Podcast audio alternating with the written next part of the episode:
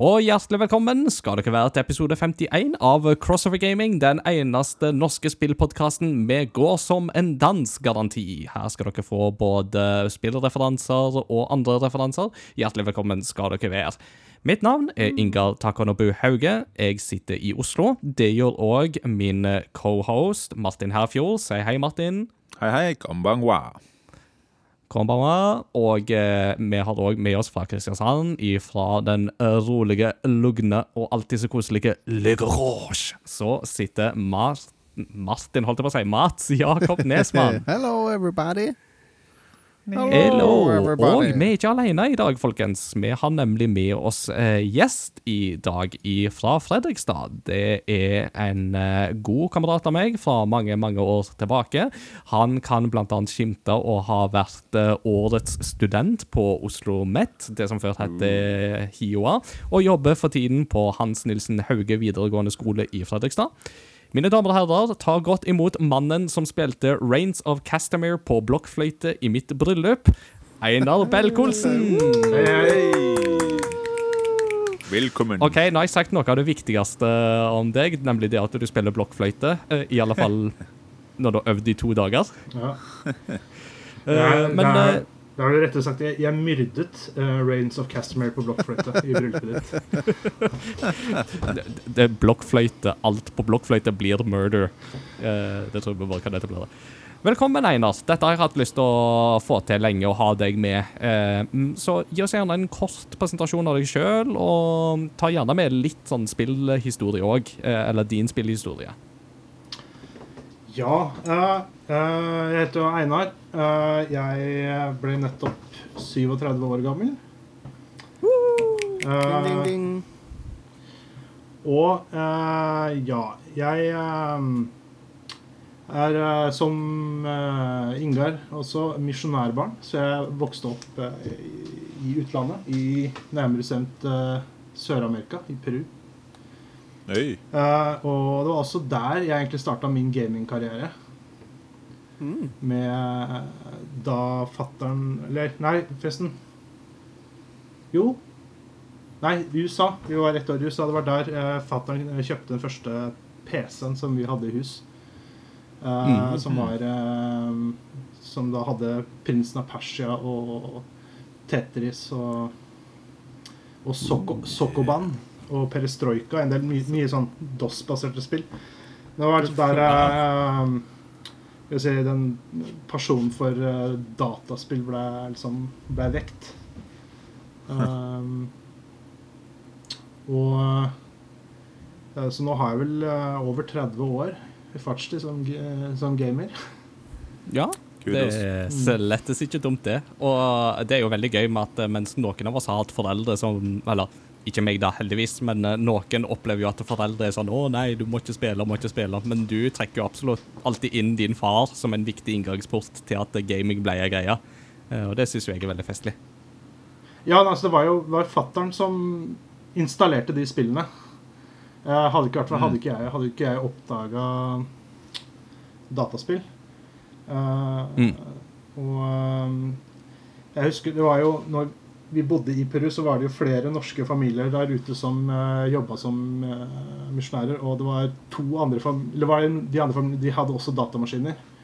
Så det Mm. ble etter hvert rett og slett sånn derre eh, konkurranse mellom familiene om hvem som hadde greid å komme lengst i Prinsen av Persia. Så det var litt sånn sånn derre Ringte sånn Nei, nå har vi kommet til level 5. Uh, så det var uh, Det ble en sånn Ja. Eh, eh, nesten sånn eh, slags turnering mellom de norske familiene i Peru om å liksom runde Prins av Persia igjen. Smooth. Og hvem vant? Var det dere som vant? Nei, det var vi det var noen som, de hadde Det var en annen familie. De kom liksom til Det er vel ni levels, så de klarte å ta niende level og slå visiren før oss. Eh, Sånn kan det gå. Men eh, nå kommer det jo snart nytt eh, Prinsen av Persia, så da er det jo bare å eh, ta en, en ny runde på, på den turneringa og se hvem som klarer det først nå. Det hadde jo vært artig. Hatt en sånn reunion. ja. Ja. eh, Oh yeah. Mm. Mm. Uh, da mm, tenker jeg òg å bare ta en liten sitterep. Eh, Martin, hvordan går det med denne her um, jakten din på jobb som sanger? Du, det går jo dødsbra. Still funny. Det er dødsmorsomt. Um, nei, du eh, Ikke så mye synging, men uh, litt sånn jobb i begravelsesbyrå, da. Så det jeg har gjort uh, denne uken, er å kjøre uh, Mercedes og Tesla til 10 millioner kroner. Og prøvd å ikke ripe opp de bilene. Eh, og hvis du tror lukeparkering er kjipt, prøv å lukeparkere med en eh, likbil, som de kaller for bårebil. da. Mm. Det er hard game. Det er hardcore.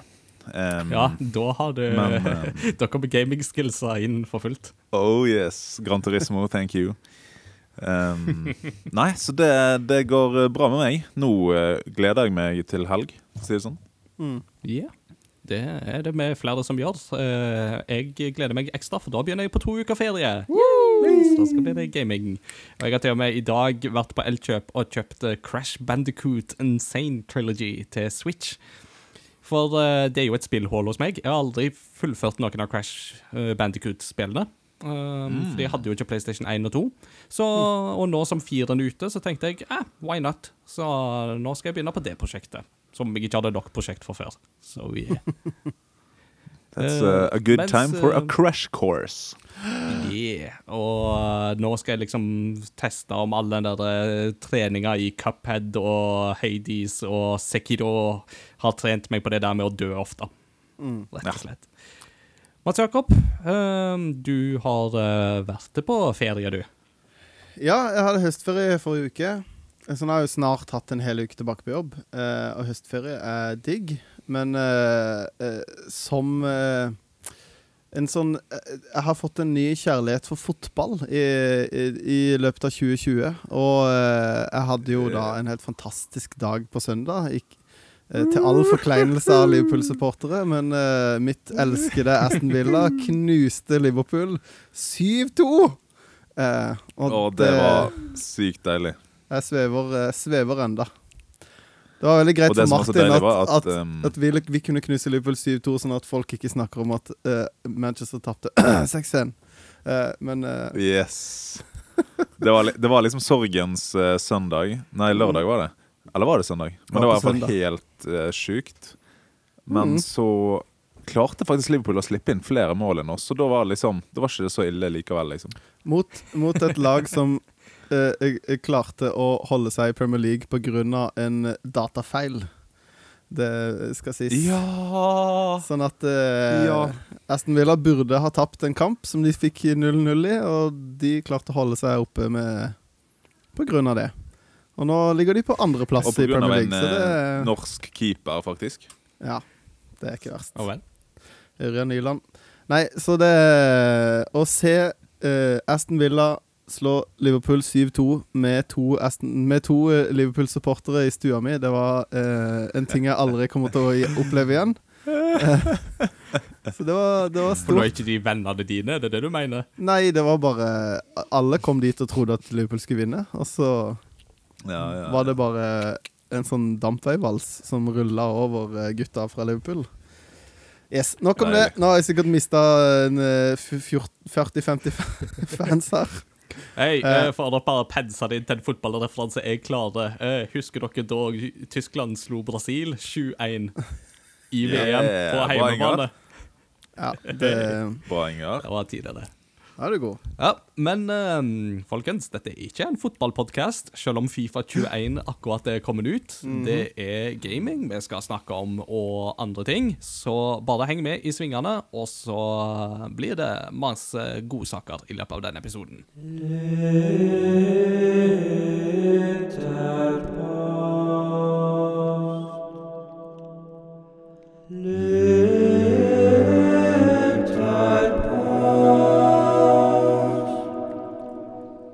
er det på tide å ta lytterposten, der vi skal lese opp svar fra lytterne våre. Og denne gangen så har svarene rent inn, bokstavelig talt. Det skal du ha kred for, Martin. Du har stilt et veldig veldig godt spørsmål denne gangen, som uh, lytterne våre virkelig lot seg engasjere av. Så mm. det var veldig artig. It's all my honor. Eh, nei, men seriøst, takk til alle lytterne som har stilt. Vi leser alt med å slikker også munnen.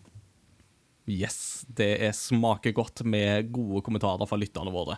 Og hvis du vil svare på lytterposter som vi skriver, altså spørsmål som vi stiller til lytterne, så må du bare bli med i vår Facebook-side eller i vår Discord-server, og lenker til begge deler finner du på crossovergaming.no.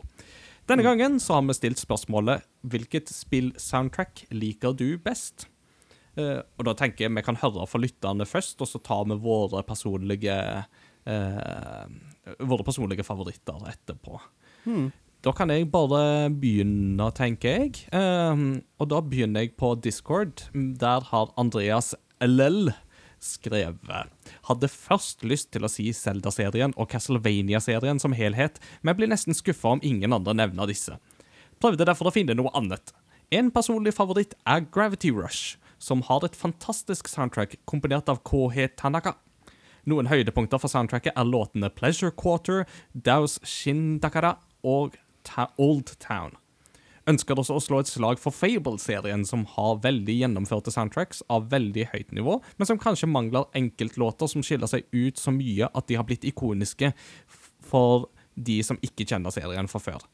Hederlig omtale til Harvest Moon-serien, som jeg føler har masse stemningsfulle melodier, uten at de helt har klart å velge meg en personlig favoritt. Jeg hadde litt lyst til å ta med denne her, fordi at uh, jeg òg er veldig glad i Gravity Rush-soundtracket. Og KH Tanaka, som har komponert det soundtracket, er jo kanskje aller best kjent for å ha komponert soundtracket til animeen OnePiece. Uh, eh, mm. Og det er ikke så mm. vanskelig å høre at det er samme komponisten, når du hører enkelte av låtene i Gravity Rush. For det er mye av de der uh, lyse trompettonene og veldig sånn stort brassorkester. og ja, mm. Det er veldig karakteristisk Tanaka. Yeah. Kult. Mm. Mm. Uh, Mats Jakob, har du lyst å ta en uh, lytterpost? Ja, nå er det tid for uh, årsmunnshjørnet. Martin? Åsmundshjørnet! Oi, nivrig. Yeah. Åsmund Solsvik, legenden, myten, eh, skriver Det er så mye bra. Hører en del på Selda Ocarina of Time-albumet som heter eh, Hero of Time for tiden. Av de mm, vakreste spillsoundtrackene syns jeg er Ori and The Blind Forest eh, på topp. Likte også veldig mm. soundtracket i Will of the Wisp. Uh, synes òg det meste av Austin Vintory er top notch. Og det tror jeg det er mange Absolutt. som er enig i. Mm, nikker veldig anerkjennende etter dette. Og jeg måtte sette mm. på soundtracket til Ori and the Will of the Wisps da det var blitt skrevet. For jeg ble sånn Å, stemmer, det må jeg høre på igjen så satte jeg det på. Det var veldig koselig. Jeg liker at alle svarene er bare sånn herre Obviously Zelda, just let's get it out of the way. On to the next one, liksom. Ikke sant. Ja. Martin, har du lyst til å ta en uh, post? Yes, kan ta fra Torstein Rødsokk. Og har han røde sokker? Det får vi kanskje vite i neste episode. Mm -hmm. Vanskeligste lytterposten hittil. Hvis vi går etter soundtrack, må jeg vel velge det som overall har flest fantastiske låter og passer spillets omgivelser og hendelser best. Mm -hmm. Nummer én Final Fantasy 9. Nummer to. Chrono Trigger. Nummer tre Jet Force Gemini. Det er fortsatt i dag de eneste spillene hvor jeg kan lett høre på bokstavelig talt hele soundtracket og synes alt er amazing. Det er mange spill som har individsanger jeg nok ville plassert høyere på Best Tracks of All Time. Kanskje neste lytterpost. Eh, men mm. har ikke hørt et soundtrack som har gjort mer impact på min spillopplevelse enn disse. Kult. Jeg må si jeg har ikke hørt uh, spesifikt på uh, disse her spillene utenom liksom Final Fantasy har jo en del gjengående musikk mm. som er veldig bra. Um, Chrono Trigger har jeg òg hørt noen melodier fra, så alle men jeg har ikke hørt på um, Jet Force Gemini. Har du hørt om det, Ingar? Det var et Nintendo 64-spill, uh, Rare, som utvikla en science fiction shooter der du er noen små kids som skyter bugs. Uh, men, mer eller mindre. Kult. Uh, veldig det ut. artig spill, men uh, vanskelig å gå tilbake til uh, i dag, tror jeg. Mm. Mm. Men det er veldig artig, og musikken er jo top notch, eh, så pluss én på alle de. Definitivt. Mm.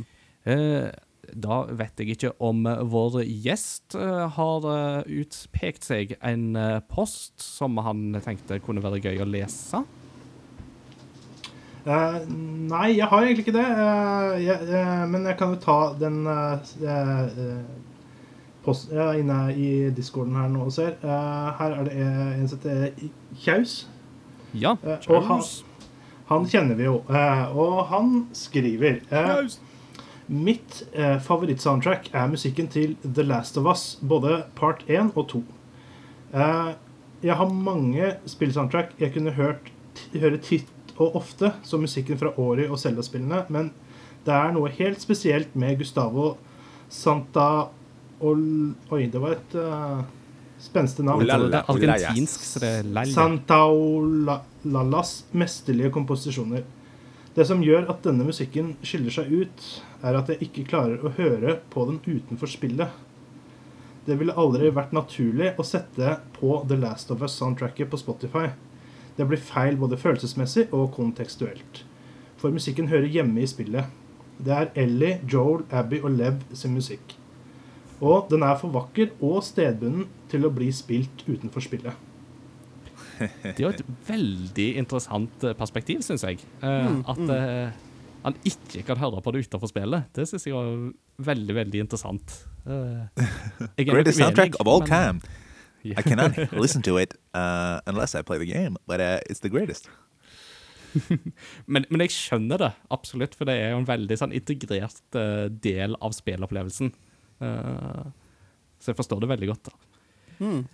Jeg tenkte òg jeg ville ta Godspark eh, sitt eh, svar. Han skriver at dette er et veldig vanskelig og nærmest urettferdig spørsmål å stille. Det er det forresten mange som har poengtert at dette er kanskje det vanskeligste spørsmålet vi har stilt. Men han har prøvd å gå gjennom lista og landa på tre favoritter. Nummer én Zelda Twilight Princess med sin nydelige orkestrerte variant av Hyrule Field. Rørende musikalske øyeblikk med Ilya og Collins heltemot. Avslappende musikk etter bosskamper og mens man fisker. Pluss den western-inspirerte bonusen Hidden Village. Det er pluss på én på alle de. Nummer to, Undertale, som får fram en tåre i øyekroken med sangen Undertale, før den skambanker deg akkompagnert av Spear of Justice eller Megalovania, og generelt bruker musikken til å spille på hele følelsesregisteret. Mhm. Nummer tre, Octopath Traveler. Veldig nydelige musikkstykker som virkelig bringer the feels fram når man hører på dem i etterkant. Har ikke fullført spillet, men hører stadig på musikken. La også kort nevne The Messenger, Command and Conquer og Ori and the Blind Forest, samt anbefale sangen Rise and Fall of House Keltonborn, brukt i Battle Brothers. Og jeg hadde lyst til å ta med den fordi at uh, Octopath Traveler, uh, soundtracket, er veldig, veldig bra, og jeg stiller meg 100% bak den. Nydelig soundtrack på fire CD-er som bare mm, smooth. Mm. Mats Jakob? Yes, jeg plukka ut Nikolai sin, for det, jeg syns at uh, jeg er helt fullstendig enig. Jeg kunne, det som jeg kunne, han skriver det bedre enn jeg kunne sagt det sjøl. Uten tvil Ducktales på uh, Nintendo Entertainment System. Spesielt Moon Theme. Blir våt i øyekroken når jeg hører den låta. Varm om hjertet, Mm. svulmen i bringen, oppspilt. Er for et lite øyeblikk å få være fem-seks år gammel igjen. Hjerte. Helt Altså, jeg syns det er helt eh, Jeg kunne ikke skrevet det bedre sjøl. Og eh, det er Det første spillet er runda, er Ducktales. Uh, Ah. Så for meg, det har en sånn varm plass. Og det at uh, Moon Team er sånn det, det er så bra at jeg som uh, fire-femåring syns det var liksom kickass. Jeg kunne gå på den banen bare for å sitte og høre på musikken. Så det er liksom første spillmusikken jeg satte pris på. Som ikke bare var sånn Å, det er noe musikk her. Men bare sånn Mm. mm, Det her er så fett. Ja. Og, og Moon Team er jo definitivt det folk alltid sitter igjen med etter det spillet. Det er liksom det temaet. Ja, det er helt, helt rått. OK, Martin. Let's uh, take it home. Ja.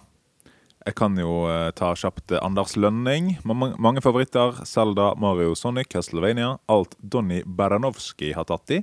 Men av relativt sett nyere titler, og for å stikke meg litt ut, må valget falle på Deus X, Human Revolution av Michael McCann. Hele lydsporet oser futuristisk dystopi og cyberpunk, og kronjuvelen Everybody Lies er en real banger av en låt som gjør at jeg konsentrerer meg ekstra nesten uansett hva jeg gjør på når jeg hører den. Den siste leste jeg som en sånn reklame Sånn der eh, hidden message-reklametekst. Jeg liker det. Eh, Einar, hadde du noe innspill? Uh, ja, nei, jeg bare tenkte på eh, Altså uh, Jeg tenkte litt på det når jeg så liksom, at dette her var et spørsmål. Uh, og litt sånn Om det er noe musikk jeg virkelig har hørt mye på. Uh, da kom Ja. på det. Det er rett og slett uh, litt eh, old school. Ja. Eh, men uh, Quake-soundtrackene Mm. Da eh, De er tøffe. Trent Reznor han eh, lagde jo eh, jeg tror ikke bare soundtrack, men også en del eh, lyddesign til det første Quake-spillet. Mm. Uh, og senere så husket jeg at jeg hadde Quake 2, og den, uh, der var jo på en måte soundtracket på CD-plata. Mm. Uh, den CD-en har jeg hørt mye på. Eh, Samme her. Uh, så det er liksom den, litt sånn industrial uh, metal. Mm. Sonic Mayhem, altså. Ja. Og også en annen som er veldig kul, og er altså, i um, snakker altså band som lager spillmusikk. Så er det et spill som heter Messiah. Det er Fear Factory. Ja. var med å designe musikken. Uh, der det er, på en måte, de også har vært mer involvert inn i um, spilldesignet. Så det er på en måte det Så ja. eh, litt sånn gammeldags dataspill-metal, det, det, det er eh, ja, noe jeg har hørt veldig mye på. Ellers er det jo veldig mye bra, det som blir nevnt her. da. Mm. Mm. Og så har jo du og meg vært på Final Fantasy-konsert òg, i London i lag. Så der òg er det jo en uh, viss Ja, forkjærlighet. Absolutt. Absolutt. Mm. Nei, uh, sjøl så må jeg jo trekke fram eh, mm, Vi har jo snakka masse om våre favoritter i en eh, egen episode, men jeg må jo alltid trekke fram at hvis jeg skal liksom ta ett, så er det Ocarina of Time-soundtracket som alltid har vært definerende for meg eh, med tanke på spillmusikk. Så det er nok det enkeltalbumet jeg vil trekke fram. Men det jeg kanskje hører mest på i dag, det er jo Persona 5-soundtracket. For det er så variert og så groovy. Så You never Yeah. see it coming, but deep down, and that's alright. Eh, s- Nydelig, Martin. Åh, nå ble jeg glad Mm. langt ned i hjerterota. I didn't see it coming. Den er fin, altså. Uh, hva med deg da, Martin? Hva, hva vil du si er dine eh, ditt beste? Ja, Let's Just Get Zelda Out of the Way, for det er jo briljant. Um, har jo hørt mye på uh, Fancy Star Online-soundtracket. Ja. Darren Korb fra Bastion, Supergiant Games. Mhm. Og um, tilbake til.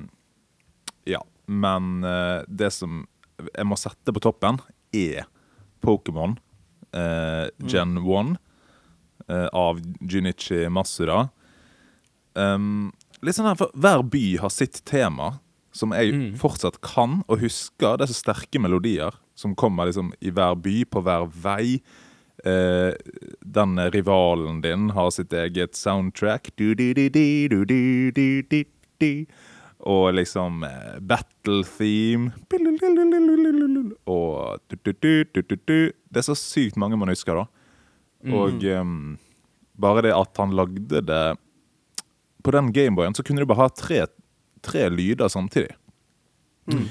Så hvis du hører for deg det battle-themet, så tenker du at det er liksom 20 ting som skjer samtidig, men det er faktisk bare tre ting at the same time, liksom. Så han klarer å lage syke harmonier med veldig begrensede midler, da.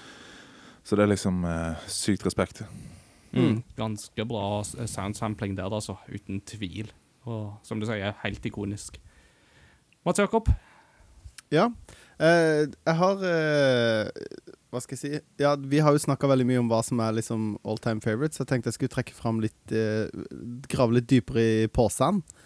Eh, Mhm. For jeg har litt sånn eh, spoilers til neste spalte, men jeg har begynt på et spill på eh, som jeg har begynt på veldig mange ganger. Eh, i i forskjellige stadier i livet, men det er et spill som heter Lunar Silver Star Story, som opprinnelig er et Sega CD-spill. Som Ja. er da et uh, RPG, japansk eh, rollespill. Som ble kun utgitt i Japan og i USA av et firma som jeg snakka om før, som heter Working Designs, som la fantastisk arbeid i å lage sykt bra oversettelser av japanske rollespill. Og ikke bare Mm. Altså, det er De er, var liksom gullstandarden for, eh, for oversettelser. Uh, og det er Det ser ut som at Det har utseende til et 16-bit RPG, og så låter det som eh, Så har det CD-musikk. Så det er liksom Det føles litt som step up fra liksom Super Nintendo. Det er som Super Nintendo med CD-musikk og eh, Mm. cuts, eh, eh, anime cutscenes og voice acting. Eh, spennende historie. Veldig sånn klassisk. Eh, og så er det Mm. kjempevanskelig. det er sånn eh, Kommer første dungeon, spiller eh, mot eh, tre Tar to sånn slime-aktige karakterer, og så er det sånn Ja, nå må jeg ut og heale. For det, nå har ikke Nå er nå er jeg done, liksom. Så det er Wow. det, det er iallfall en veldig røff start, da. Eh, jeg nok om det nå, men eh, soundtracket er dødsbra. Sykt masse bra mm. tracks. Uh, Battle Team er dritbra.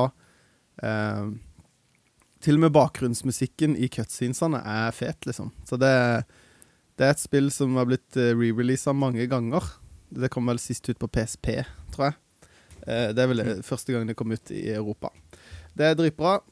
Virkelig en pluss én på Chrono Trigger. Det eh, har jeg hørt ekstremt mye på. Mhm. Lenge, lenge før jeg eide det. Så har jeg hørt musikken lenge før jeg spilte det. Eh, men en, eh, en siste på en måte nye favoritten jeg fikk, det var soundtracket til Owlboy. Det syns jeg er dødsbra. Det er, et, eh, det er fantastisk fine melodier som er skikkelig sånn mellow. Hvis du skal liksom slappe litt av, sett deg Mm. ned og hør på det soundtracket, for det, det, er, det er skikkelig bra. Og så er det litt kort. Det er det eneste jeg, jeg har Mm. lyst på mer av den musikken. Det er uh, Men de Jonathan melodiene som er der altså. Han, Ja, drita bra soundtrack. Det, mm. det var liksom det soundtracket som fikk meg til å Jeg kjøpte spillet, begynte på det, og så datt jeg av. Og så begynte jeg å høre på soundtracket, og så var det sånn Å, det soundtracket er så bra. Ah, ok. Og så begynte jeg å spille spill igjen, og så eh, Det var da jeg liksom kom meg gjennom det spillet. Ikke at det var en kamp når jeg først liksom var i gang, men eh, Men eh, det var, det var veldig sånn ehm, og eh, jeg syns soundtracket til Conquers Bad Fur Day er helt spot on. Og det er ikke nødvendigvis fordi jeg hører så mye på det, men jeg syns soundtracket forteller halve historien i det spillet. eh, og i noen tilfeller bokstavelig talt. Vi har snakka om The Great Mighty Poo før. Eh, Mm. Men for et stykke med historiefortelling og karakterbygging gjennom eh, operasang.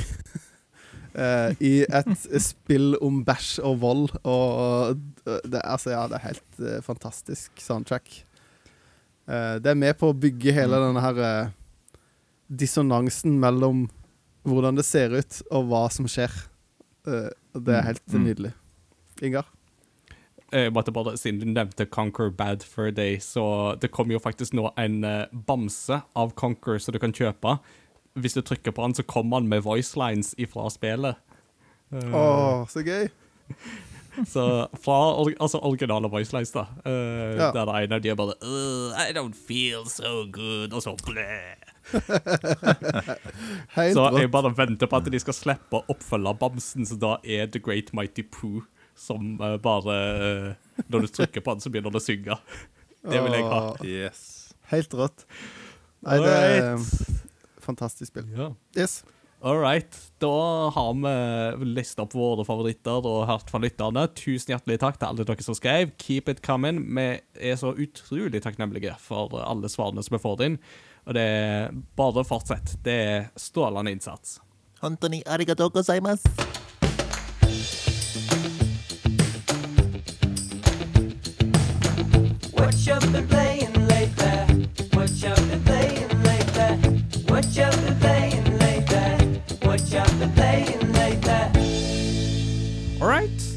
Er det på tide å snakke om hva vi har spilt siden sist.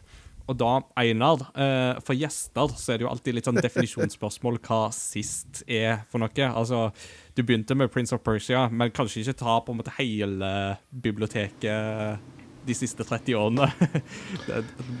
We'll be sitting here. Men jo, Ja. eh, Eh, ja, nei uh, ja, Altså, de, de siste uh, så har det gått uh, veldig mye i World of Warcraft. ja.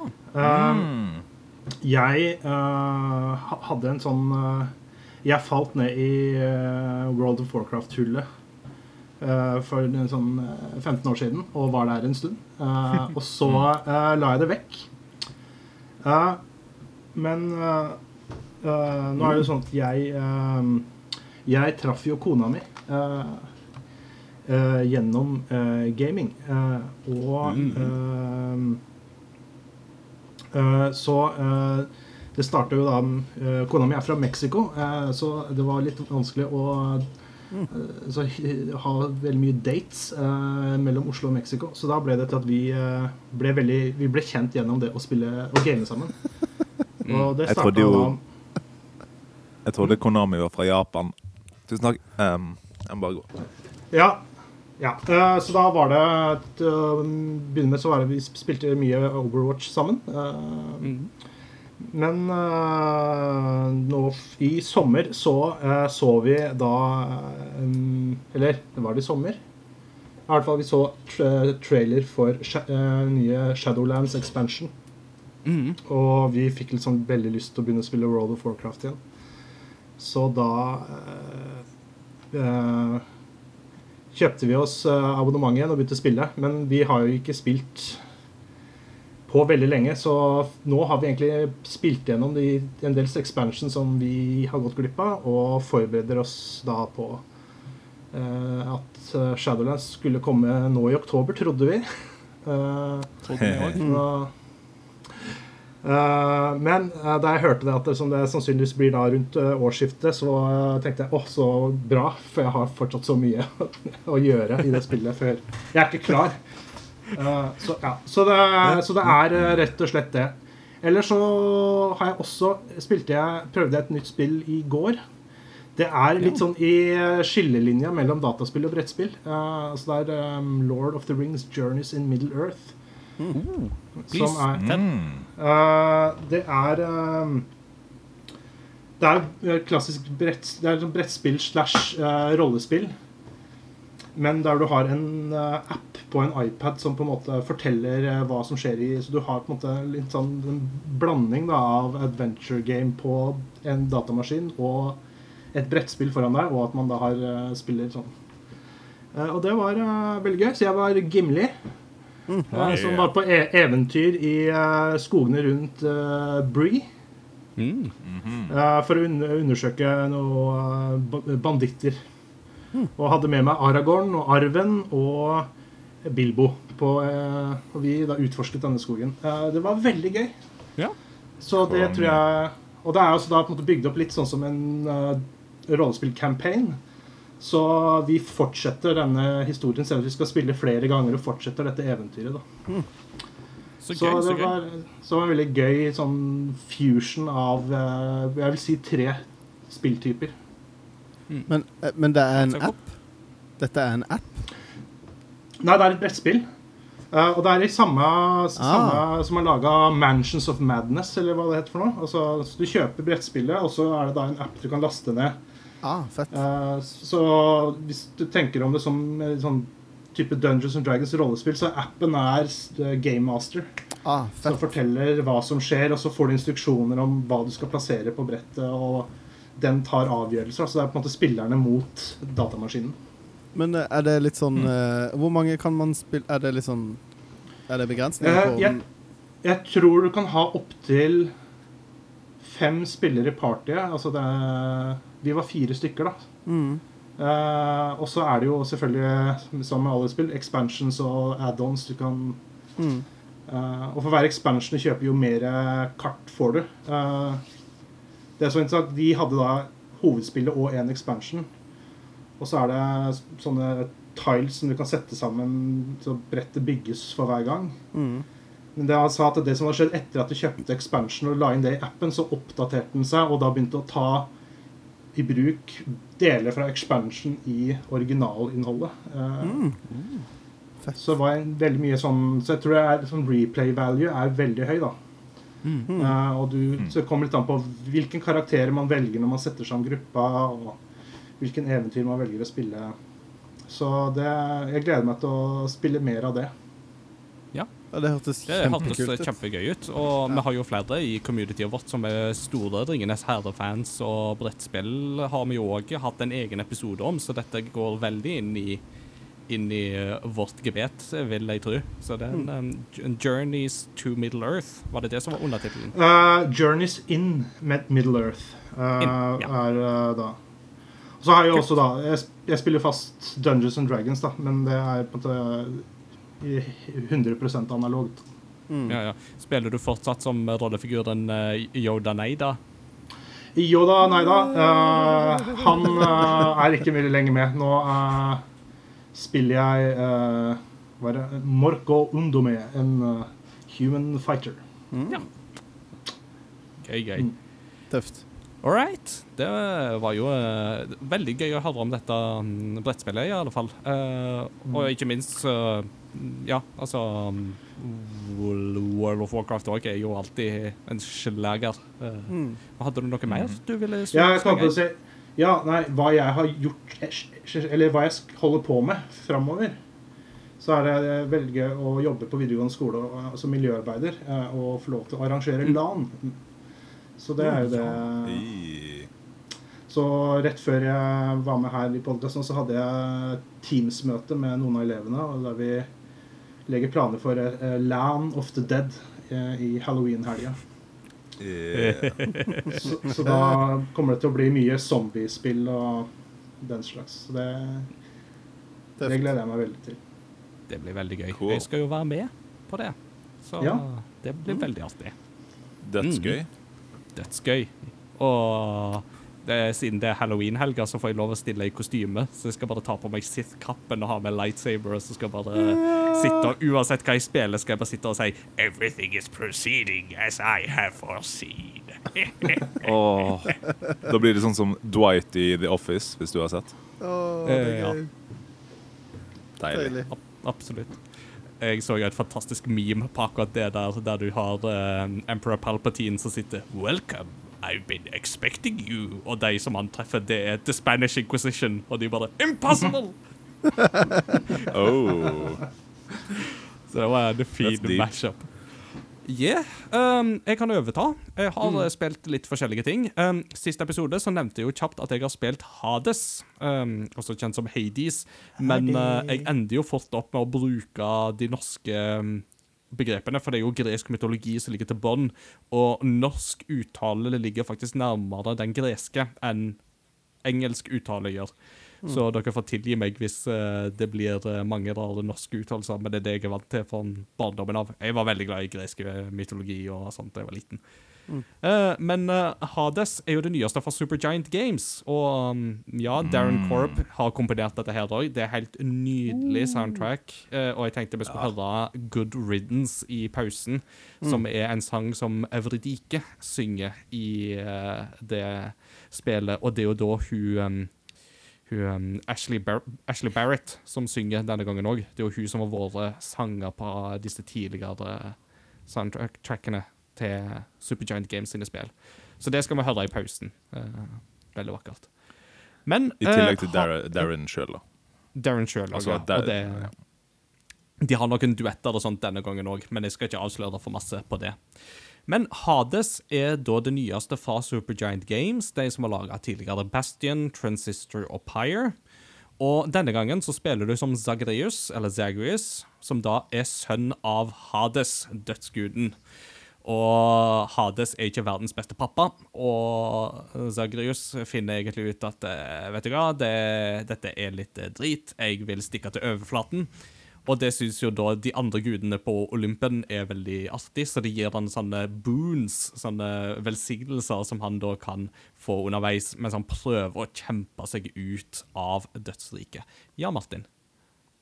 Så egentlig burde spillet hett Zagreus og ikke Hades. På en måte, men samtidig så er det jo at uh, Hades er jo òg på en måte betegnelsen for dødsriket som helhet. Det er jo ikke bare uh, dødsguden, uh, eller underverdenens gud. Eh, dødsguden er jo Thanatos, eh, som for øvrig er bror til Zagreus eh, i dette spillet. Men eh, du må jo da, i dette spillet, så må han eh, Zagreus må kjempe seg gjennom de forskjellige lagene av dødsriket, og liksom kjempe seg gradvis mer oppover. Um, og dette er jo da en sånn rogelike, eh, slash rogelight, eh, er det vel strengt tatt egentlig. Som vil si at uh, du beveger deg på sånne isometriske kart og slåss mot fiender, men uh, du vil møte på ganske mye motstand, og du vil dø en del ganger. Og da ender han alltid opp i en sånn der blodpøl, uh, eller sånn blodbasseng i Hjemme hos pappa Hades. Og han bare oh, 'Back again, boy'. Han har litt sånne der, kraterstendenser. Han eh, Hades. Yeah. Uh, og så- men så Noen ting vil du beholde uh, selv om du dør, sånn at du da gradvis vil bli sterkere, og gradvis så bygger du deg opp mer og mer erfaring og kunnskap. Og det gjør jo at for hver gjennomspilling så kommer du litt nærmere uh, utgangen. Selv om da hvert rom du kommer til på veien oppover, er tilfeldig genererte. Så du får liksom aldri samme framgangsmetoden likevel. Og det som er så bra med Hades, er for det første så er rollefigurgalleriet er kjempebra. Eh, Voice-actinga er fantastisk, og alle de greske gudene er liksom De er så utrolig bra de, altså, de er så utrolig bra skildra, for de er så variert òg. Og det som er så gøy, er jo det at de har tatt forskjellige etnisiteter og sånt inn i bildet her. For um, det at de er greske, eller guder for grekerne, betyr jo ikke at gudene i seg sjøl må være greske av utseende. Så er sånn som eh, Hermes, for eksempel. Han er litt mer sånn østasiatisk. eh, og eh, Athene, hun er eh, mer sånn afroamerikansk. Euridike, hun har en sånn af gigantisk afro som består av et tre. Eh, så det er sånn utrolig gøyale design. Og så er de veldig sånn Sånn som du forventer nesten at de skal være. Så det er sånn som Hermes, han er jo guden som er kjent for å løpe raskt og gi beskjed. Altså han er sånn Oh, what's up, Kask? Yes, I'm just here to give you a message. OK, gotta go back to Olympus. OK, bye bye now. Og så er vi videre. Mens eh, Dionysos, som jo er vinens gud, han er sånn Hey, man, yeah, I can see how it's going. It's totally rad. Og det er veldig sånn Yeah. tilbakelent. Litt sånn He just likes to party. Det er jo kult at det er romance i spillet òg, da. Og hvis jeg skulle valgt å romance en gud, så hadde det jo vært Afrodite. Ja, hun òg dukker jo opp, men jeg er litt usikker på det du sier med romance der, for det har ikke jeg eh, opplevd i alle fall ennå. Det har jeg ikke. Spoiler! Nei, jeg syns iallfall uh, at det var liksom eh, At du kan iallfall utvikle et forhold til karakterene. At det liksom Du, Du, du får en, kan du får en utvikle- relasjon til de, fordi at det, det er jo masse dialoger sånn som man får åpne underveis, men det er ikke et forhold, altså ikke et parforhold.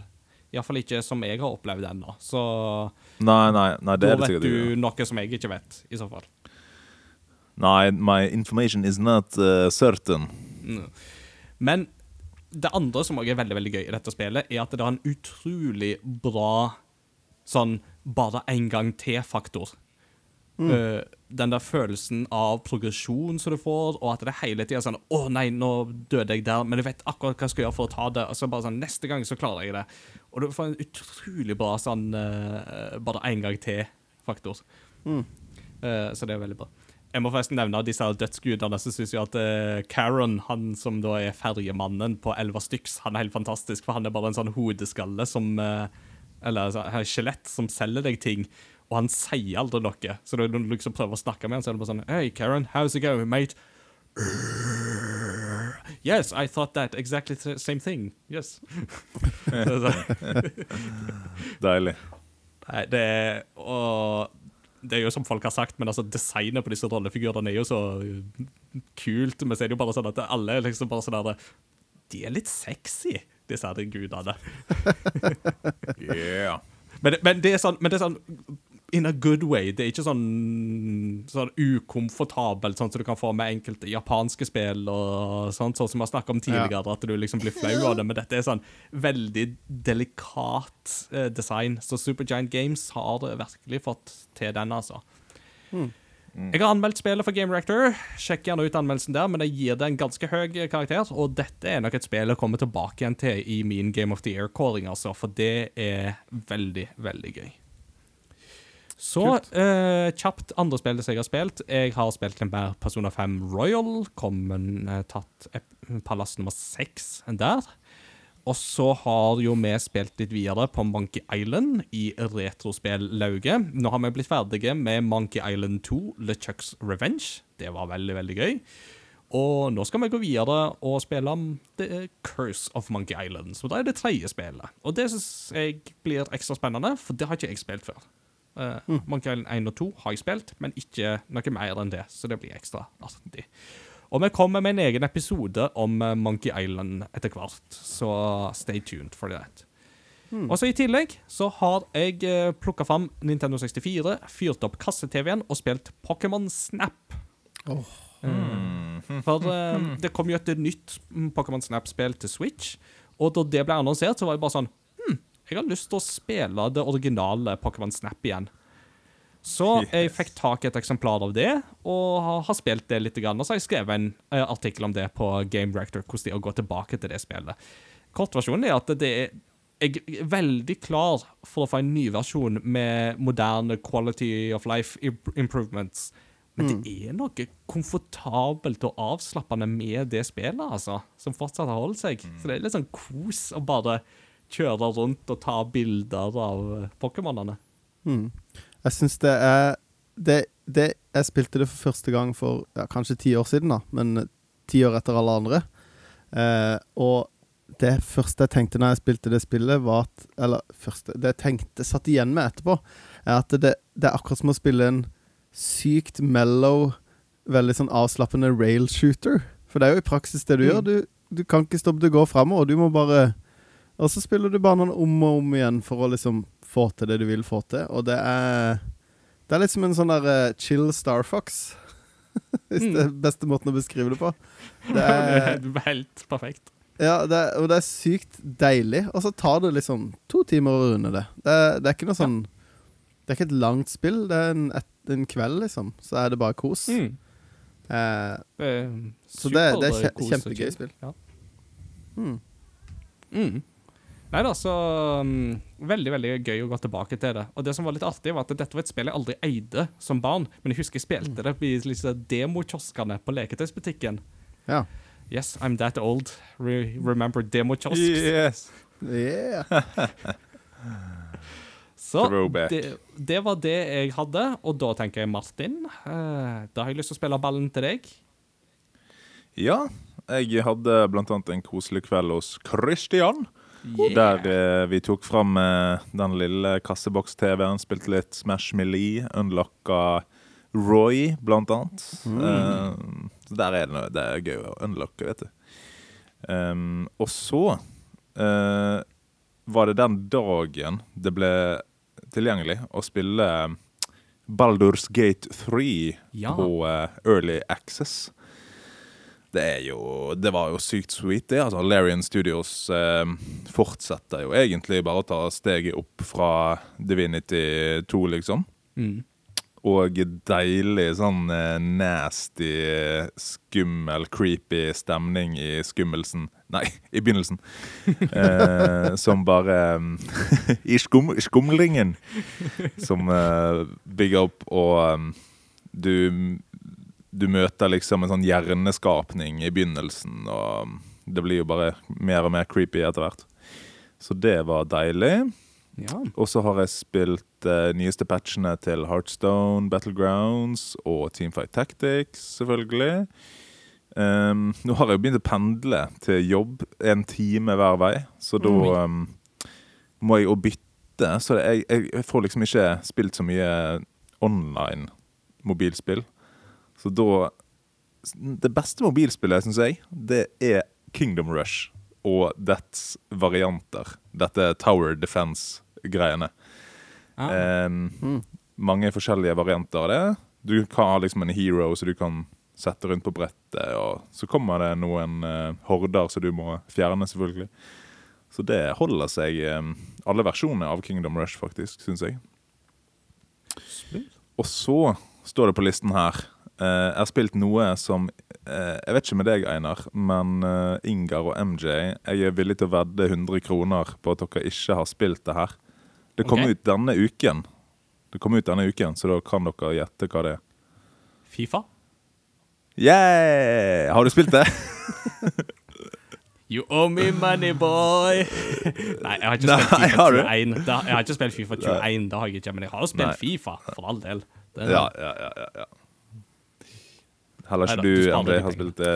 Uh, nei, det er det spillet som gjør meg mest sint av alle spill. Så jeg kan ikke spille Fifa. Ja. Det, Jeg, jeg fikk jo naboklag eh, når jeg spilte bodde på Slamdal og slo i veggen og tapte, selvfølgelig. Men um, uh, det som er digg nå, er at de har virkelig tatt tak i eh, career mode, da. ja, det er gøy. Eh, så da har de um, Nå er jeg jo skal ta Sunderland opp igjen til Premier League, og um, Ja, for det er så deilig, for de har liksom uh, virkelig forbedra når du skal simulere kamper, og du blir satt i pressekonferansesituasjoner som er litt gøy, og talentutvikling har de gjort mye med. Så de har liksom uh, forbedra det veldig, da. Nice. Så uh, det er kjekt.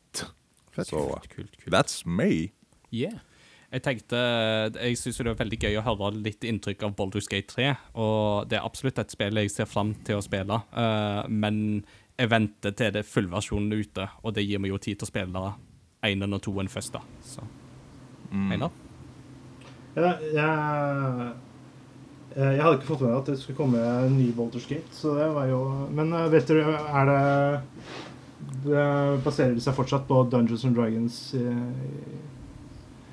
Så vidt jeg vet, så Yep. er det fortsatt Forgotten Realms uh, de baserer seg på, Yep. hvis jeg ikke tar feil. Uh, og så er det jo viktig Can at det er jo ikke. BioWare som utvikler det nå, men det er de som heter Larian eh, Larian Games, eller Larian Studios, Larian som har lagd noen veldig gode rollespill som heter Divinity, Original Sin, uh, som er mm, veldig, veldig gode, og som bærer veldig preg av å være inspirert av den gamle Baldur's Gate og gamle BioWare-skolen. Så de er veldig mm, De er absolutt sett på som det rette teamet til å ta på seg den oppgaven med å lage Baldur's Gate 3. Så mm. folk har veldig så vidt testa. Jeg har så vidt testa Divinity. Uh, nei, for det, det var bare med lurer på om om det er det basert på the fifth edition, eller om det er Om dere vet det. Det vet jeg ikke. Nei, Nei. ikke jeg heller. Så- det kan jeg- det kan jeg google. Ja, Mm. absolutt. All right, MJ, take us home. I will take you home. Jeg snakka jo litt i stad om eh, Lunar Silver Star Story, så jeg skal ikke snakke så mye mer om det, men det er veldig gøy og vanskelig. Mm. Eh, jeg har selvfølgelig spilt litt mer eh, PGA Tour 2K21. Kost meg med bugs og bra golf. Eh, nå er jeg snart ferdig med mitt første P, eh, PGA Tour. Ah, Uh, har begynt med sponsorships, så jeg har fått uh, drive med sånne sponsorer og, og tjener penger på det. Eh, og gikk min første runde under par i turnering. Veldig gøy. Begynner å, nå begynner jeg liksom Nå sitter kontrollen i hånda. Nå er det ikke I begynnelsen så satt jeg liksom med kontrollen på bordet og holdt joysticken for at den skulle gå rett og sånn, men nå, nå sitter det i tommelen, så nå, trenger, nå kan jeg sitte med kontrollen i hånda og kose meg med det. Eh, og nå har jeg unlocka så mye klær at nå eh, har jeg ser karakteren min ut som en cowboy. Endelig. Nå kan han endelig være cowboy med boots og hatt og eh, rødrutete skjorte og eh, gule solbriller og Han ser på en måte ut som en blanding av eh, Hvis det er et forhold til Big Lebowski Han ser ut som en blanding av han, uh, han yeah. tjukke og han cowboyen i baren med barten. Sånn ser min uh, Yes. tour-player ut. Det er mitt uh, Det er sånn jeg skulle ønske jeg så ut. Martin, du har hatt Deilig.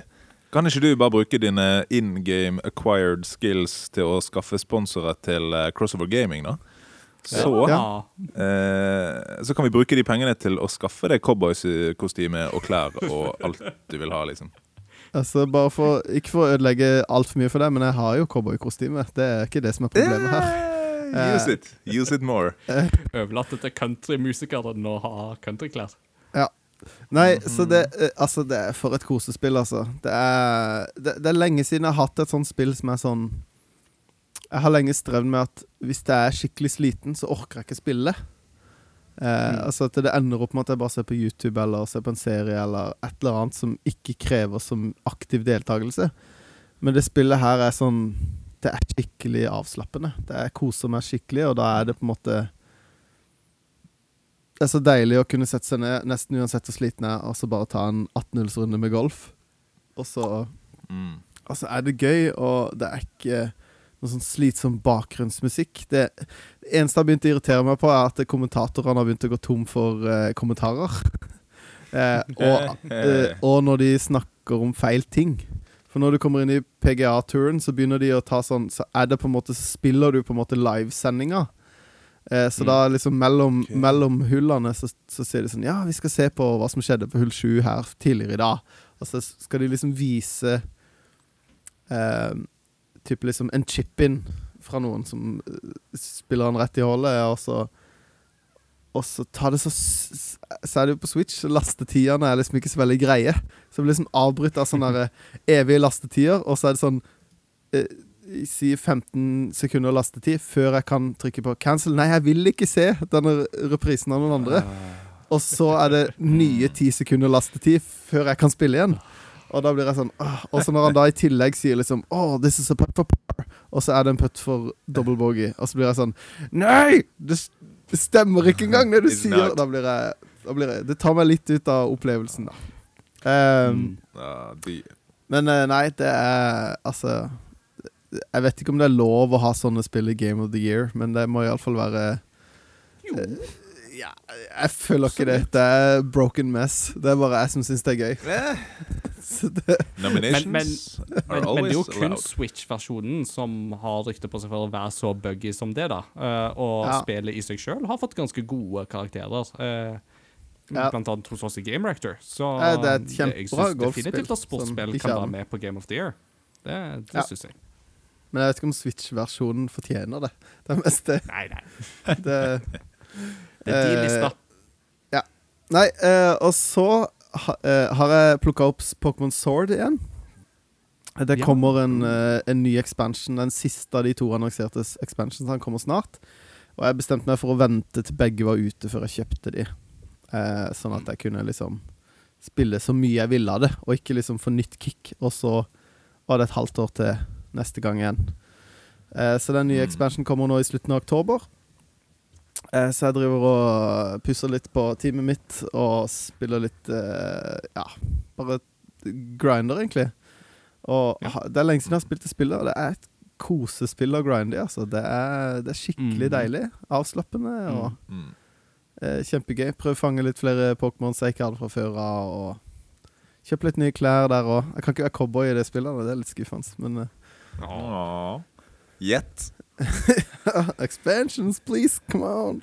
Eh, men jeg hadde eh, i dag en fantastisk opplevelse. For jeg har jo skravla i det vide og det brede om dette her mobilspillet Magikarp Jump.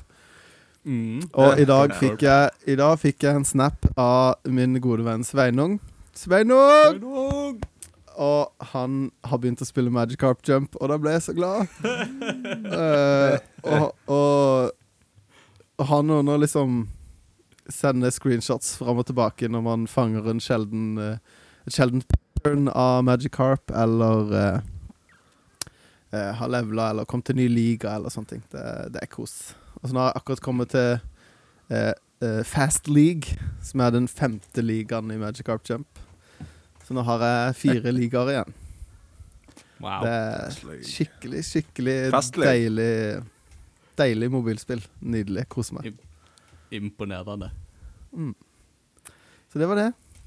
All right, det var det. Da tar vi en liten pause og hører på musikken fra Hades, og så er vi straks tilbake med del to.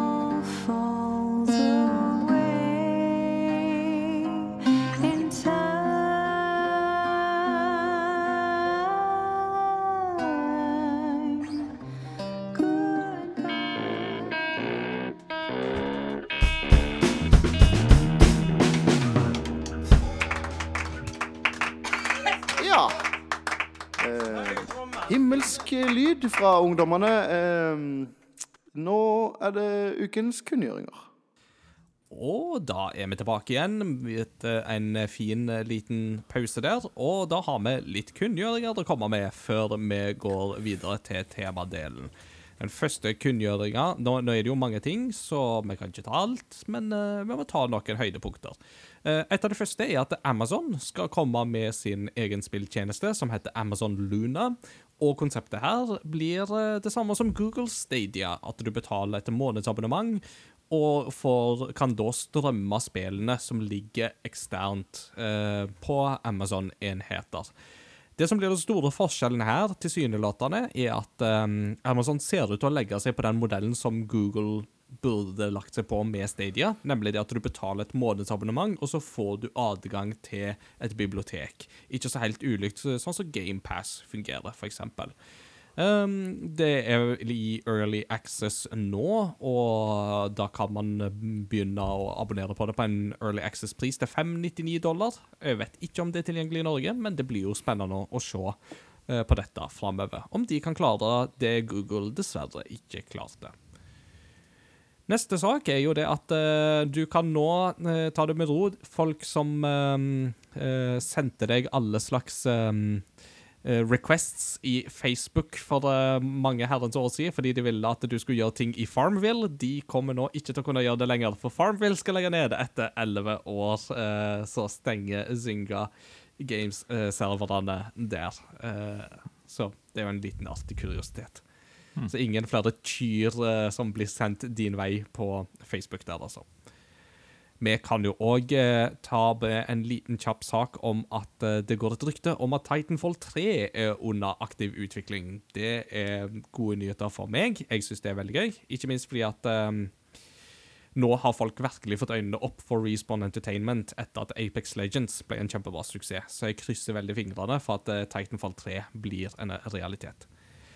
Så har vi fått nye Super Smash Bros-rollefigurer, og den tror jeg det ikke var så mange som så komme. Det er da Steve og Alex fra Minecraft. så jeg vet ikke om eh, dere så den komme, men jeg gjorde iallfall ikke det. Um, det skal òg være mulig å spille Enderman og Zombie. Uh, men jeg tror det kan bli artig nok, og fanbasen til Minecraft er jo absolutt stor inkludert mm. på Switch. Så jeg tror det kan bli interessant å se. Mm. Um, et par siste småsaker som jeg må ta med. I siste episode så nevnte vi at uh, Rayman-skaper Michel Ancel takker for seg etter 30 år i spillbransjen, og vi ønsker han absolutt lykke til med det. Det har fått en liten sånn um, slagside, og det er litt derfor jeg vil ta opp at vi henger med på den historien videre. Uh, for det er nå en rapport som uh, antyder at uh, Michel Ancel kanskje ikke er verdens beste mann å jobbe for. det går rykter om Eller rapporten snakker om det som de kaller for toxic leadership, altså et litt mer sånn giftig lederskap der han kan være veldig rosa deg opp i skyene for den idé du har i det ene øyeblikket, og i neste øyeblikket kjefter på deg fordi du er en komplett idiot. Er liksom litt av de historiene som har vært litt oppe. Michel mm. sjøl sier at eh, han avviser jo dette, og granskingen videre framover vil jo se hvordan den saken utvikler seg. Så det kan jo dessverre tyde på at avskjeden hans ikke bare var fordi at han hadde lyst til å prøve noe nytt, men uh, det får vi jo se. Og det har jo vært en del saker i Ubisoft i sommer. Um, mm. Dette er jo kanskje liksom ikke av de groveste historiene, men det er jo fortsatt ille nok. Uh, for det er ikke noe kjekt å jobbe for den personen som har den type lederskap, og det bryter jo ned helsa til folk som jobber. Så det er viktig å ta tak i det òg, hvis det skulle være tilfellet. Mm. Og eh, en siste lille trist sak er at Activision Blizzard har jo meldt i år om nok et eh, rekordår og store bonuser til toppsjefene i eh, toppen, men eh, det hindrer ikke de ifra å legge ned et fransk kontor, og 400 ansatte mister jobben i Activision Blizzard Frankrike. Mm. De skulle egentlig relokalisere til London, men det ble forsinka pga. covid-19. og da ble det sånn. Eh, og de kunne ikke bare ta litt av bonusene til toppsjefene og spe på til de ansatte. I stedet så legger de ned, og det er fryktelig, fryktelig trist. Hmm. har det kanskje noe sammenheng med at eksempel sånn så Heroes of the Storm har blitt på en måte lagt ned og sånn, og så har de automatisk mindre arbeidsplasser, holdt jeg på å si? I utgangspunktet så skulle ikke det ha så mye å si nå. fordi at ja, altså Heroes of the Storm har jo blitt mindre enn det det var, men det er jo en stund siden de valgte å trappe ned på satsinga på Heroes of the Storm. Så en del av de nedskjæringene som kom i kjølvannet av det, har allerede kommet.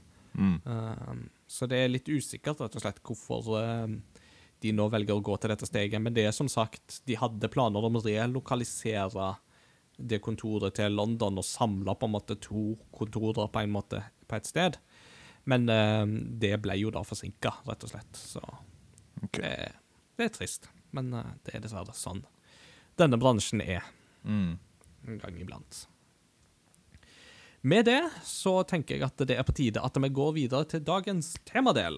Og eh, litt av eh, og, og det vi skal snakke om i dag, det er noe som er knytta til Altså, nå tar vi opp på en torsdag, og på lørdag så er det 10. oktober. Og 10. oktober er jo da verdensdagen for psykisk helse. Det er vel riktig, hvis jeg ikke husker feil. Einar nikker. Det er bra. Eh, dette med mental helse er jo absolutt et viktig tema, eh, både i livet generelt, men òg inn imot gaming.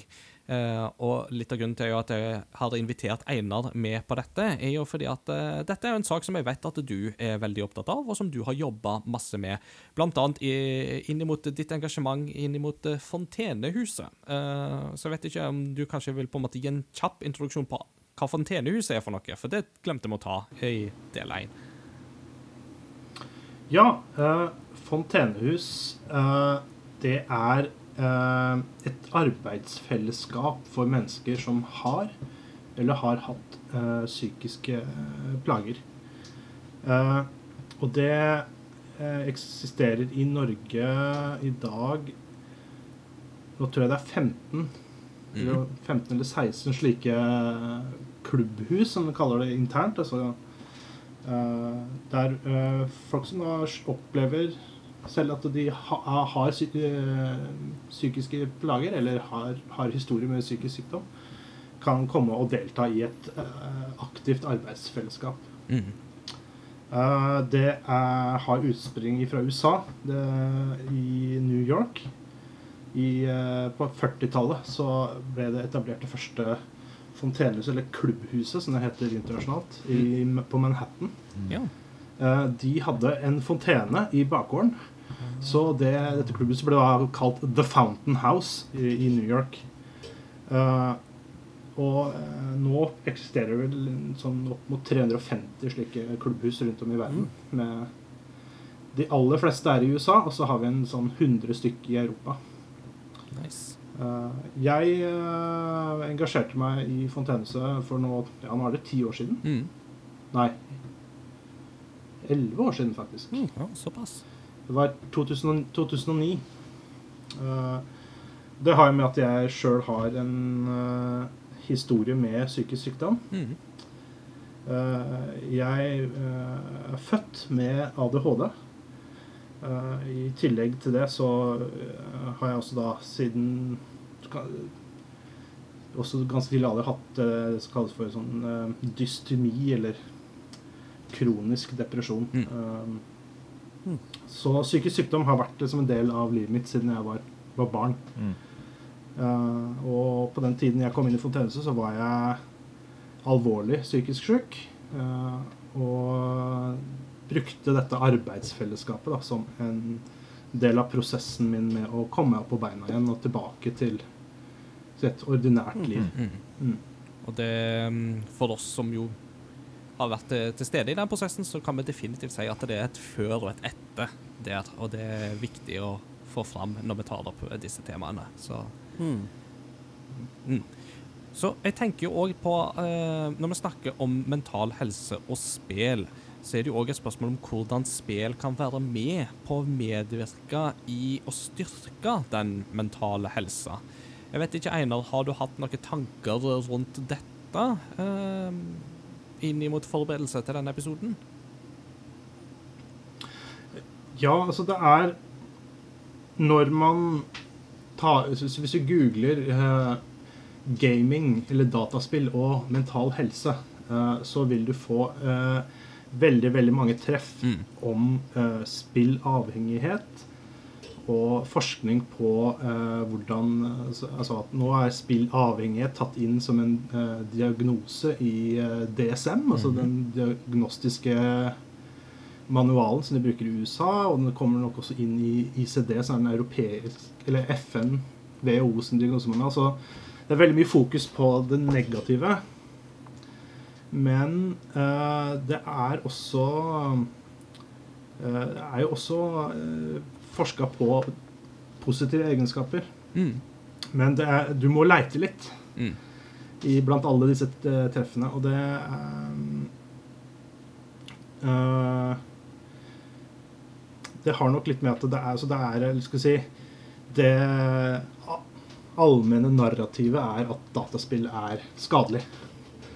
Uh, Mm. Men uh, jeg Og jeg tror på en måte at det er eh, Det fort kan bli en sånn derre altså Det blir veldig sånn svart-hvitt. Enten så er man på en måte veldig sånn Nei, det er ingenting galt med dataspill, eller alt er helt forferdelig. Sannheten er nok at det er eh, et sted midt imellom der. Mm. Som, som med de fleste ting. Det er sånn eh, Og for uh, skal trekke fram én måte det er sånn spesifikt hvordan kan dataspill være med å styrke mental helse. Eh, så har jeg jo lyst til å trekke fram eh, Det var jo for i Om det var i fjor at vi fikk høre om han unge gutten fra Spydberg Mm. i Indre Østfold Mats. som Mats, som hadde, var kronisk syk og på en måte var bundet til rullestol. Mm. Eh, og på en måte som bare satt hjemme og spilte data. Mm. Og så når eh, og så, eh, Han døde jo veldig ung av denne sykdommen han hadde. Og så, i begravelsen, så dukket det da opp masse mennesker fra hele verden som viste seg å være hans venner i, fra World of Warcraft. Mm.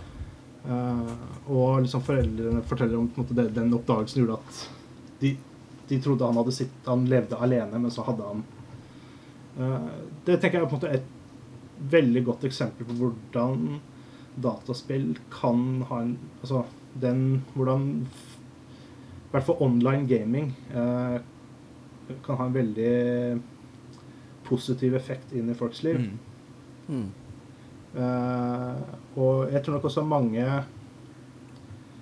eh, som sliter med sosial interaksjon, som også finner at eh, det å være sosial gjennom dataspill uh, er lettere. Mm. Uh, så det tenker jeg er liksom den, det er også den online-biten. Eh, Og så er det også det jeg, Vi har jo snakka litt om dette før, Ingar, om det å på en måte vokse opp som ensom nerd i et eh, miljø der ikke så veldig mange andre er opptatt av nerdeting. Mm. Eh, og det å da kunne liksom gjennom internett koble seg på et større en større verden av folk som er deler en interesse, og på en måte man kan eh, møte likesinnede, tenker jeg på en måte er en viktig positiv eh, ting med gaming. Mm. Så fellesskapsfølelsen er definitivt eh, en viktig faktor der, ikke sant? Altså følelsen av å høre til et sted er jo definitivt en ting som gaming, og da særlig online samfunn, kan bidra med, enten det er ja, enten det er i et konkret spill, eller det er um, i f.eks. en Discord-server, sånn som det vi bygger i Crossover Gaming eller lignende, så er jo det der med fellesskapsfølelse er jo definitivt en viktig eh, faktor. Og jeg tenker jo òg på, i den historien om Mats, så var jo det som var veldig viktig der, var jo det at eh, mestringsfølelsen var jo òg noe som han oppnådde gjennom spillet. For han var jo, som du sier, eh, bunden til rullestol. Jeg tror det var cerebral parese han uh, leide av, hvis jeg sa det riktig. Litt usikker. Uh, jeg skal ikke arrestere meg hvis det var feil diagnose. Men uh, da, han leide iallfall av en sykdom som gjorde det at uh, han var ikke den som nødvendigvis kunne skryte på seg å få til så mange ting, iallfall ikke rent fysisk, i livet.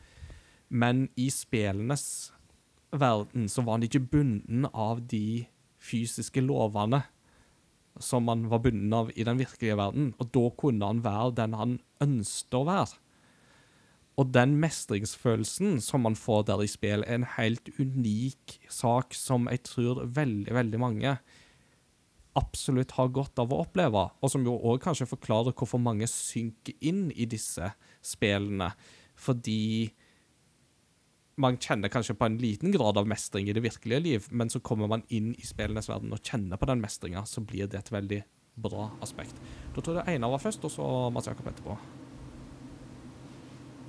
Ja, det er akkurat det du trekker om, altså det med mestringsfølelser.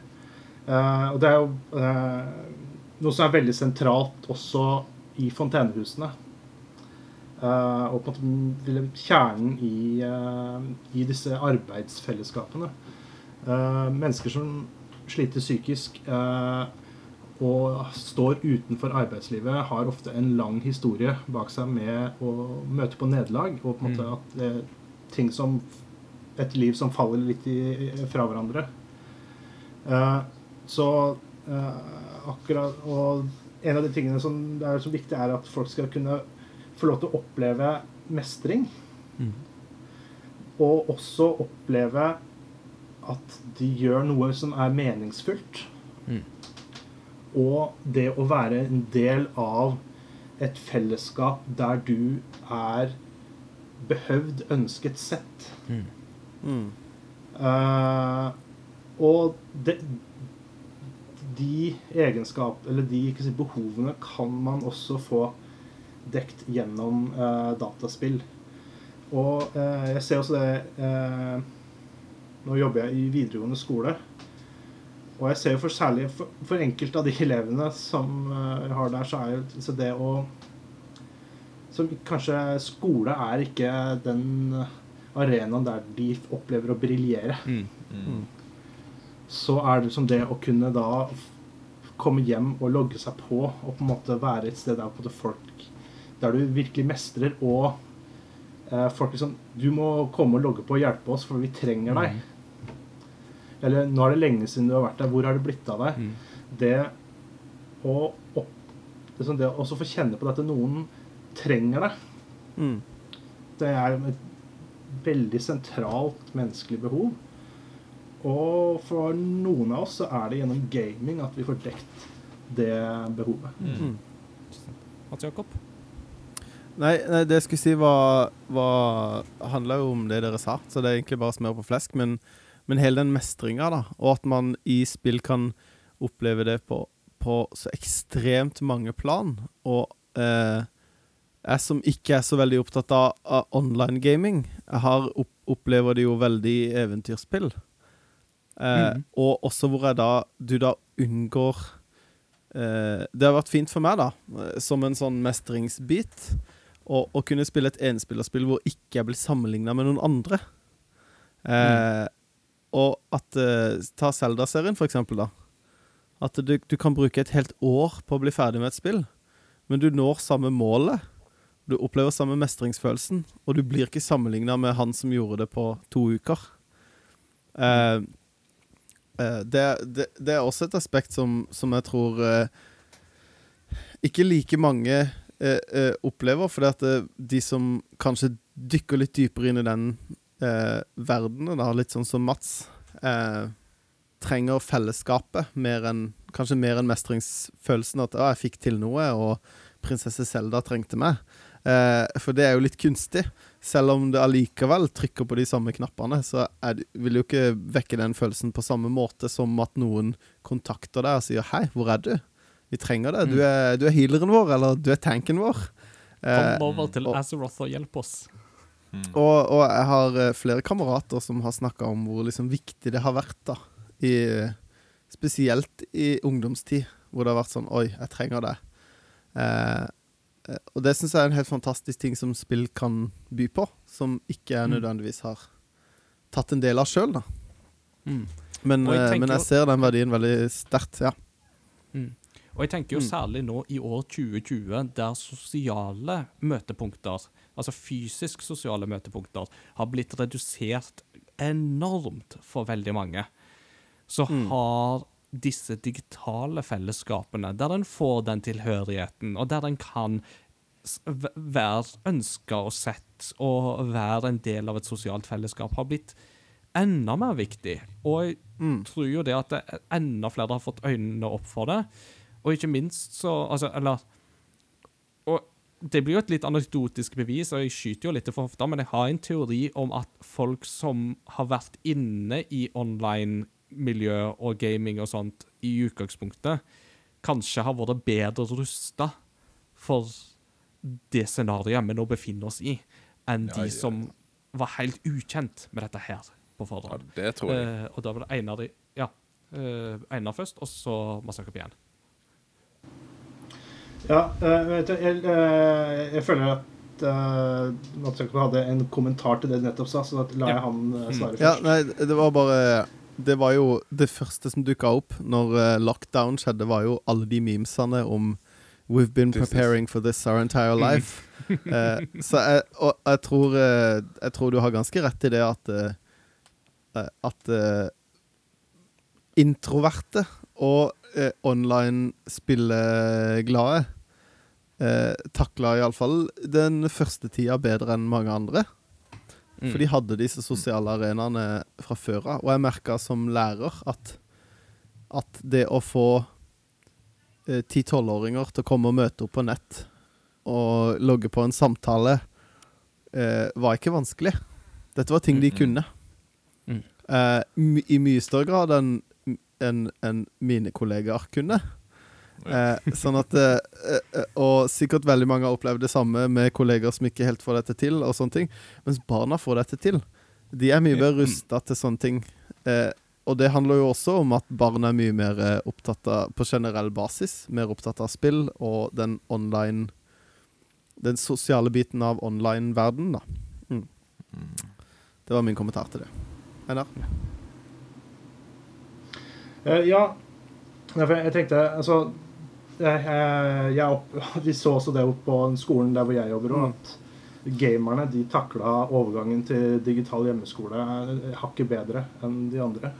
Mm. Uh, men uh, så tenkte jeg også altså, Hele den online community, det er på en måte én ting. Uh, men så har jeg også sett så Det er jo eh, i mitt, eh, mitt Google-tokt så kom jeg også over litt sånne artikler som der man ser på bruken av eh, dataspill i terapi. Ja. Mm. Fett. For det er jo også eh, et, eh, et felt som på en måte er et, Jeg tror ikke det er sånn veldig mye som er gjort der ennå, men jeg tror det er, det, er, en del prosjekter der man ser på, på dette. eh, og hvordan man kan bruke f.eks. dataspill i, med å prosessere traumer. Mm. Altså at de har brukt det i forhold til soldater som lider av PTSD og sånne ting. Og andre på en måte der du eh, Og det sammenfaller jo noe med på en måte annen terapi der man bruker på en måte, jeg si, Man projiserer over på et, et annet medium Mm. for å jobbe med følelser. Og der tror jeg absolutt at dataspill eh, og kanskje også VR har et potensial, da, men det, man, det må jo på en måte forskes mer på før man kommer dit. Mm. Um, og um,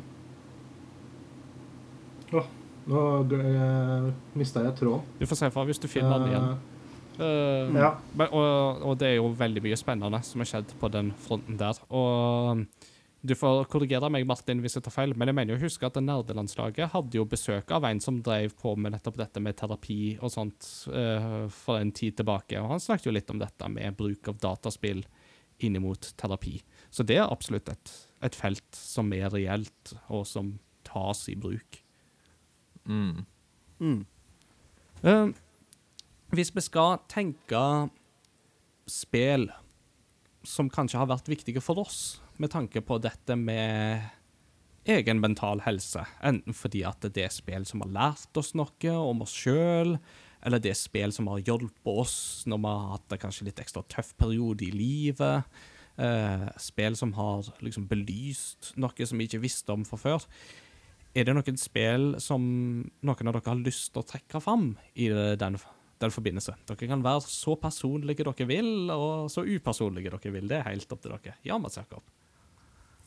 Altså, eh, For å begynne breit, da. Eh, spill på generell basis har vært viktig for min mentale helse med hele den mestringsbiten jeg snakka om i stad. At eh, det at prinsesse Selda kan reddes i mitt tempo, uh, som uh, Sånn som jeg får det til på mitt nivå, og at det, uten det sammenligningsgrunnlaget, og at prinsesse Peach også kan det, og at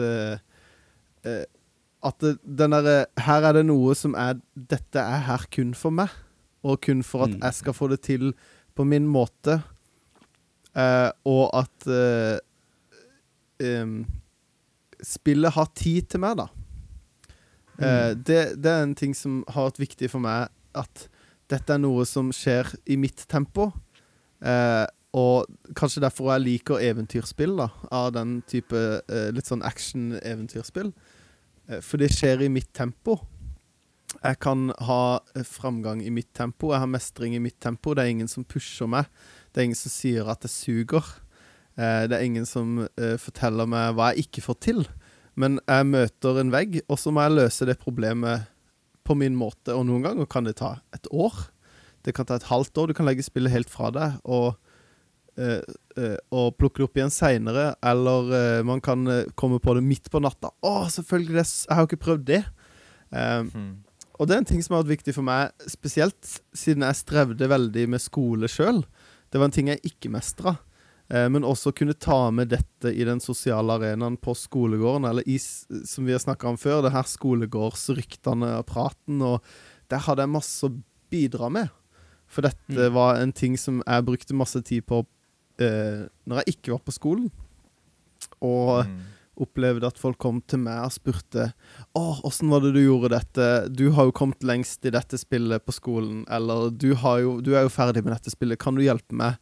Eh, det har vært superviktig for min eh, selvfølelse. Eh, som også er en Mm. viktig del av den mentale helsa, da. Eh, eh, som sagt, uten den online-varianten. Og jeg er ikke noe sånn konkurransemenneske heller, så jeg har liksom aldri hatt noen glede av å være best i Tekken, eller best i Fifa, eller best i Smash. Eh, men Men eh, du er jo det. jeg er iallfall ikke best i Fifa. Det skal jeg på ingen måte skryte It's own. own. Yeah. Nei, jeg syns det er kjempegod, en kjempegod um, ting du nevner der. Da sier bare ja og amen til det, altså. Spill som Mm. medium generelt har vært veldig viktig for meg òg. så definitivt.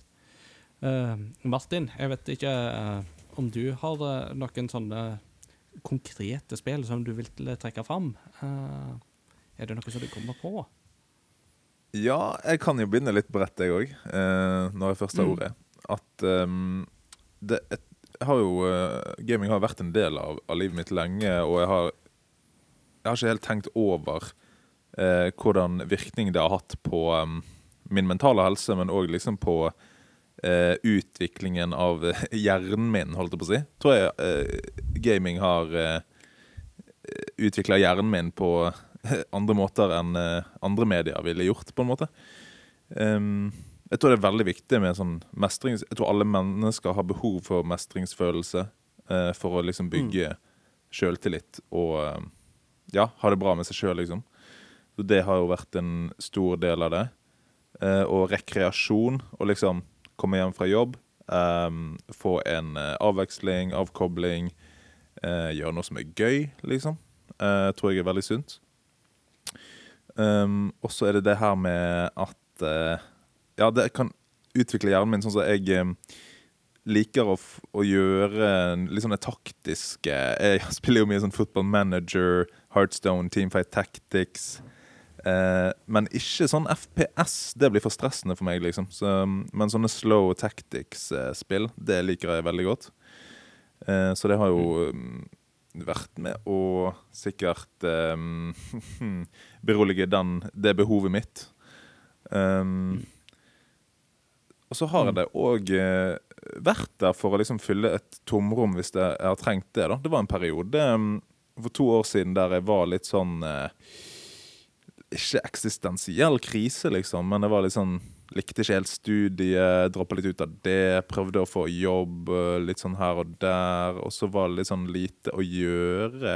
Og da dykka jeg ned i The Witcher 3. Mm. Og det var bare så sykt deilig og fantastisk. Og uh, life was beautiful. Og uh, jeg følte jo meg eh, flink som klarte å samle alle Gwent-kortene. Og det er den achievementen jeg er stoltest av.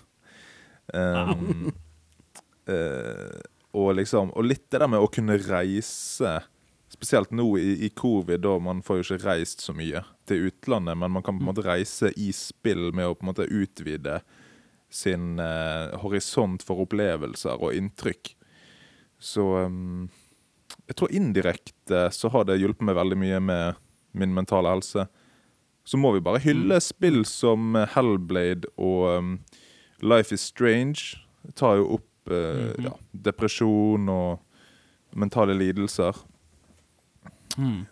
Skulle du si noe, Ingar? Absolutt. Uh, Hellblade er jo et spill som eh, vi akkurat har um, eh, eh, Eller ikke akkurat, men eh, en av de neste dagene nå.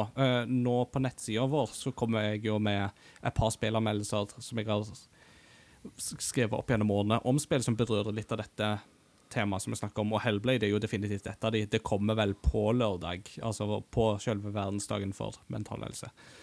Og, da, og det er jo definitivt et sånt spill som har virkelig lært meg noe om dette med Altså hvordan opplevelsen av å ha psykose faktisk er, er så nervepirrende god i det spillet. Ikke minst når du sitter med et godt headset på og får den 360-graders følelsen av stemmer Det er jo som om du hører de stemmene sjøl i hodet. Det er nifst. Det, det er rett og slett chilling to the bone, men det er så bra gjennomført, og det er så gjennomført med respekt òg, fra Ninja Theories i sida. Uh, for de har jo vært veldig opptatt av da de utvikla dette spillet, at det er utvikla av folk eller, eller i samarbeid med folk som lider av psykose sjøl, og i samarbeid med interesseorganisasjoner og leger som har dette som sine spesialfelt. Og det, er- det er liksom aldri spekulativt. Det er alltid med en respekt for de som opplever dette, og intensjonen er å sette deg i deres sko og gi deg som i hermetegn et vanlig menneske en smakebit av hva dette faktisk kan innebære eh, for en person som lider av det. Og det um, Så Hellblade kan jeg ikke anbefale nok altså, i den forbindelse. Og det, det er ikke et spill som alle skal spille, for det krever veldig mye av deg rent mentalt å spille det, men det er et utrolig viktig spill eh, å spille. Og har sånn sett lært meg veldig, veldig mye. Uh, og jeg vil òg i den forbindelse trekke inn Celeste, er òg et eh, bra spill. Dette um, indie-plattformspillet som eh, er bra nok i seg sjøl, fordi at det har på en måte den her eh, utfordrende plattformelementet og sånt, men som òg toucher innom noen sånne temaer som har vært innom med tanke på dette med sjølbilde, sjøltillit eh, og dep eh, depresjon og så videre. Og jeg vil ikke avsløre for mye der, men eh, Celeste var for meg et veldig viktig spill da jeg spilte det, husker jeg. Mm. Jeg, s- jeg syns jo en ting som eh, Jeg var veldig gammel når jeg skjønte hva folk mente med rollespill. Eh, for, for meg så var alle spill et rollespill. Eh, eh, jeg var Mario. Selv om Mario ikke har RPG-elementer og toucher på eh, På liksom Dungeons and Dragons D20-regler. Eh, Mm. og en ting som Jeg har ikke noe godt og norsk ord for det. Det kan godt hende dere har, men eh, det engelske ordet escapism. Altså Ja. at man kan Ja, ikke sant? Takk. Eller virkelighetsflukt. Ja, altså eh, Virkelighetsflukt for meg blir litt sånn eh, Bare personlig, da. Blir litt sånn Mm. Det høres ut som du rømmer fra noe. Men escapism handler om Det kan man snakke om Eller sånn det, Personlig betydning, da, men, eh, og tolkning. Men, men det handler mer om en sånn Ja, rollespill, da. At eh, du på en måte tenker at eh, eh, eh, Jeg flykter Det er ikke nødvendigvis at jeg, jeg har det så ille at jeg må flykte til enhver tid, men det er den der å kunne få lov til å bare ta på en annen rolle. Og, Mm. være en italiensk rørlegger som hopper på sopper og skilpadder eh, og knuser mursteinsblokker. Og så, og så gir det deg noe Noe som du kanskje ikke helt Du tenker ikke sånn åh, nå trenger jeg å hoppe på noen skilpadder og noen sopper. Men, men den derre Å få lov å bare rømme litt eh, fra virkeligheten og, og, og være en annen og late som. Og eh, Jeg har sett eh, mange ganger på folk som er helt sånn sykt flinke på cosplay, og tenkt sånn Ja. Det hadde vært så fett om jeg tørte det, eller, eller sånn Det virker så gøy å ha den outleten, og, og kanskje på en måte Jeg har ikke det, nødvendigvis det behovet for å kle meg ut som en rollefigur jeg liker, men jeg bare identifiserer meg med den følelsen av at liksom, åh, jeg identifiserer meg så sykt med Master Chief. Og jeg har bare så lyst til å bare ta på meg det fysisk kostymet, ikke bare i virtuelt, men liksom å få lov å være Master Chief. Og gå rundt på en expo, eller bare i stua for den saks skyld, og bare få lov til å liksom være noen andre, da. Eh, og, og liksom rømme litt. Eh, Mm. det syns jeg Det syns jeg er en sånn fantastisk ting med spill, og det får du ikke i noe annet medium. Med mindre du eh, er ihugga uh, tilhenger av liksom eh, Choose Your Own Adventure-bøker, hvor du velger litt retninger. Men, men spill er så unikt medium på akkurat den fronten at du er så aktivt deltakende. Eh, for det å sitte og se på en film, ja, du kobler av, men du på en måte får ikke den der connection på samme måte, da. Nå Mm. tror jeg Ingar var først. ja, ja. Martin kan ta først. Nei, du må jo bare spille flere spill med cowboyhelter, da, sånn at du kan liksom cosplaye cowboyhelt. Jeg vet ikke, for eksempel McCree i um, Overwatch. Nei, men uh, Ingar Hanoon. Ingi. Ja. Nei, ehm, eh, det som jeg bare- tenkte på da, um, i forhold til det som at Jakob sier, dette med innlevelse og roller og sånt eh, Det sitatet av George R.R. Martin som jeg er aller mest glad i fra hele A Song of Ice and Fire-serien, er jo A reader lives a thousand lives before he dies. A non-reader only lives one. Og jeg syns jo at det gjelder òg for den som er glad i spill. Uh, Ja, ja. og jeg Minst. husker um, en kompis av meg hadde et sånt uh, bilde på Facebook som, med bilder av flere spillhelter og sånt, der det, teksten var I don't game because I don't have a life. I game because I live many. Mm. Yeah. Preach. Det, yeah. Og det tror jeg er viktig Word. her, altså. Mm. Så spill og mental helse har absolutt en forbindelse der, og kan absolutt være bra. Um, men det er jo òg Vi skal ikke liksom underspille heller at det har jo en skyggeside òg? Og at det kan være med på å nedbryte og ødelegge. De siste årene så har det jo f.eks. kommet opp dette med um, når folk spiller online og sånt, at de kan møte på hets og trakassering, og det gjelder jo særlig for de som tilhører utsatte grupper. Og det er jo definitivt et aspekt som eh, ikke vil være oppbyggende for mental helse, og det skal absolutt tas på alvor, eh, tenker jeg. Mm. Eh, det, det skal jo òg sies at eh, når spillavhengighet er kommet inn i disse internasjonale listene, så er jo det i henhold til relativt strenge krav før spillavhengighet kan diagnostiseres. Så det er ikke bare sånn at å, du spiller periodevis veldig masse, da er du spillavhengig. Det er ikke den avhengigheten det er snakk om, men det er på en måte klinisk forsøk på å ta de som havner i den form for avhengighet. Og det, det, det fins en reell mulighet der, det gjør det jo. Men ordet 'og du er spilleavhengig' har blitt litt misbrukt opp gjennom årene, tenker jeg. Hva tenker du, Einar, i forhold til det? Uh, oh, det, uh, jeg tenker veldig mye nå. Uh, og det er, det, er så, det er så mange ting å liksom touche innpå her. Ja, altså det er klart Når, når diagnosemanualene snakker om spillavhengighet, så snakker man om på en måte Da er det kommet til et punkt der det, det kreves behandling. Altså du må inn og ha klinisk behandling. Da er det ikke Altså Du er blitt så avhengig at du trenger hjelp Mm. til å legge fra deg spillinga. Um, og uh, jeg tenker det er uh, Og også dette her med uh, toxic communities. Uh, kona mi introduserte meg litt for League of Legends, uh, som er jo, uh, har jo, er jo famøst for å ha noen av de mest toxic altså mest giftige spillmiljøene som finnes. Uh, og uh, så er det også dette her uh, med altså sånn en del spill som har kommet nå, som på en måte har som altså Hvis du dypper litt dypt inn i på en måte, si, maskineriet bak spillet, så er det jo på en måte da De altså, mm, bruker mekanismer som er kjent fra gambling, og på en måte for på en måte hele på en måte Det er laga for å gjøre deg hekta. Mm.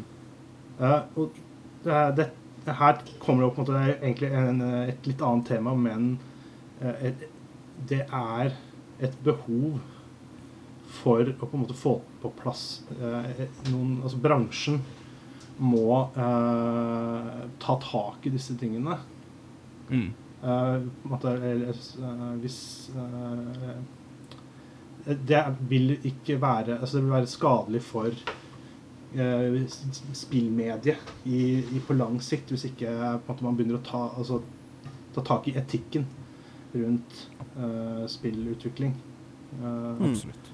I forhold til dette at altså de, disse spillselskapene som de lager spill for å gjøre barn avhengige av å kjøpe uh, eh, gems i Clash of Clans eller hva det enn er. Altså den det er altså sånn eh, Fifa, Ultimate Team.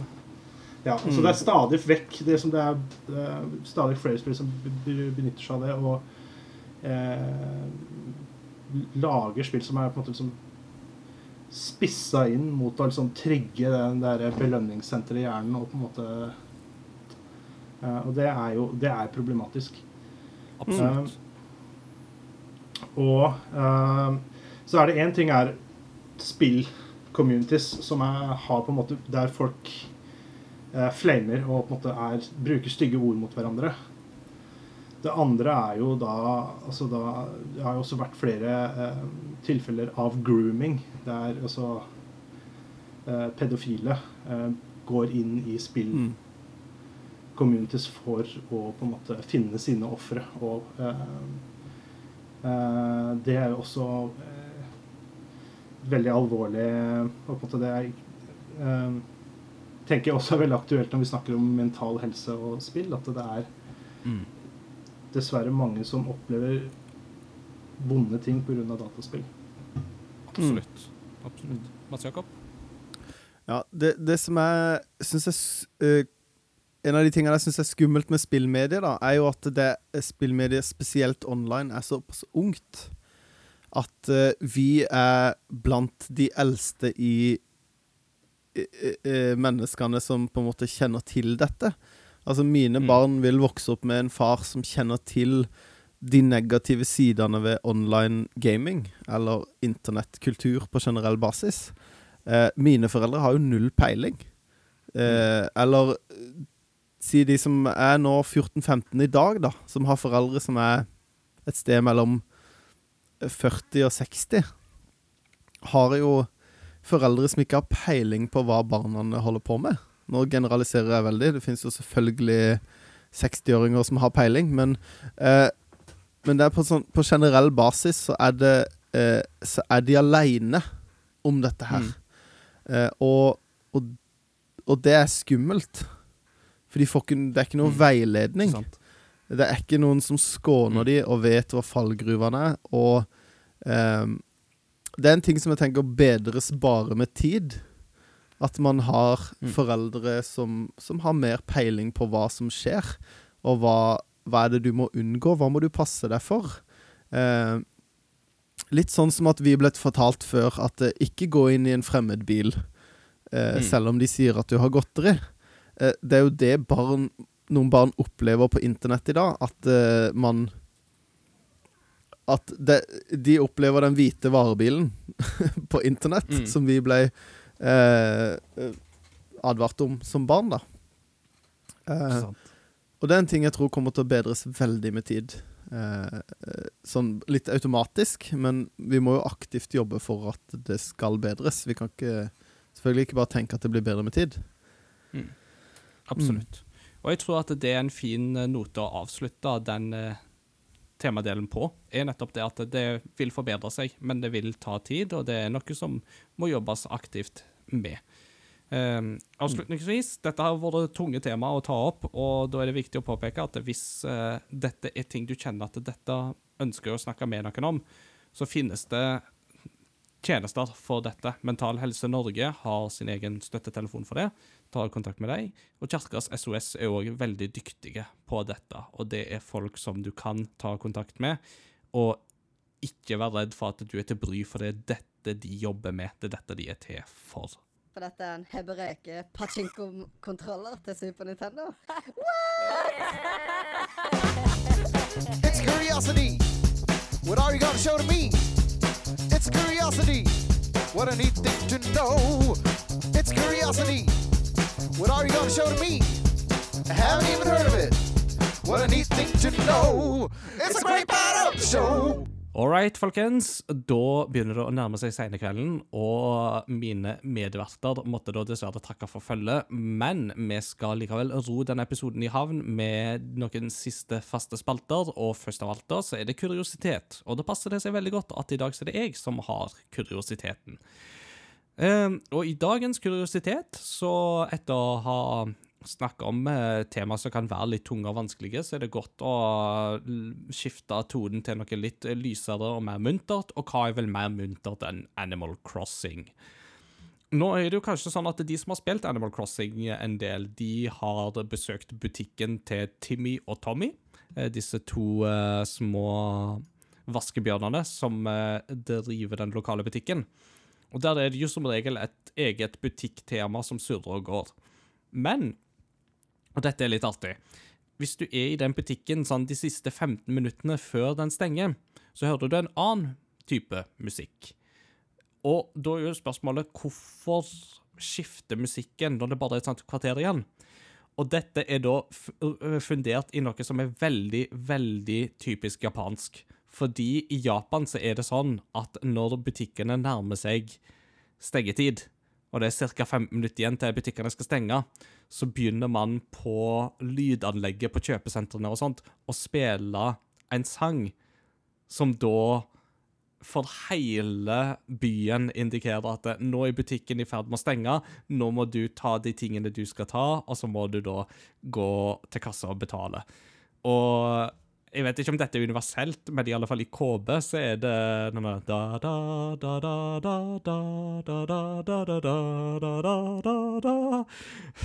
Og når du da hører den, så skal liksom hjernen din begynne å innstille seg på at nå, nå, nå må du avslutte handelen din. Og dette gir da sitt utslag òg i, i Animal Crossing, rett og slett. Så ja. Jeg vet ikke, Einar, har du spilt Animal Crossing eh, noe på Switch? Nei, det har jeg ikke gjort. Eh, Jeg har eh, fått med meg at det er eh, et veldig populært spill. Eh, Men jeg har ikke hatt gleden av å prøve det selv ennå. Nei. Men har man Switch, så kan man da altså gjøre det. Og mange små detaljer i Animal Crossing der, altså.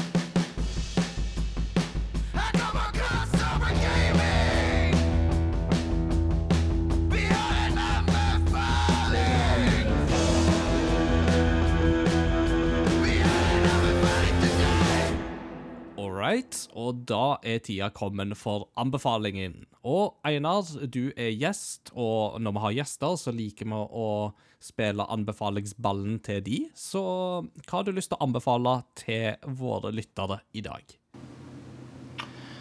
Eh, vel, nå har vi eh, jo snakka litt om eh, dette her med eh, mental helse og spill. Eh, og eh, på lørdag eh, så er det jo da verdensdagen for psykisk helse. Eh, Tema i, år er jo å spørre mer.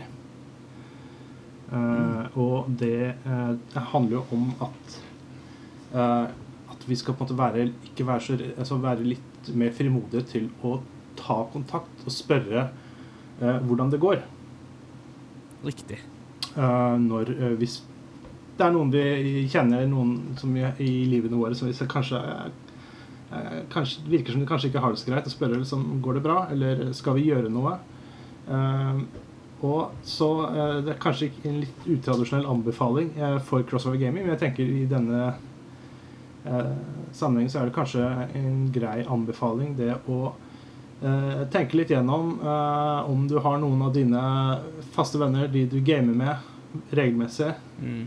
som kanskje har vært litt fraværende i det siste, eller som virker å være litt ja, Ikke er liksom så i topp humør som de pleier. Eh, så kanskje å liksom spørre noen ganger, bare rett ut Hvordan går det? Har du det bra? Eh, Mm. Eh, og ikke være redde for å liksom vise at man ser, eh, ser andre, og at man bryr seg. Rett og slett. Mm.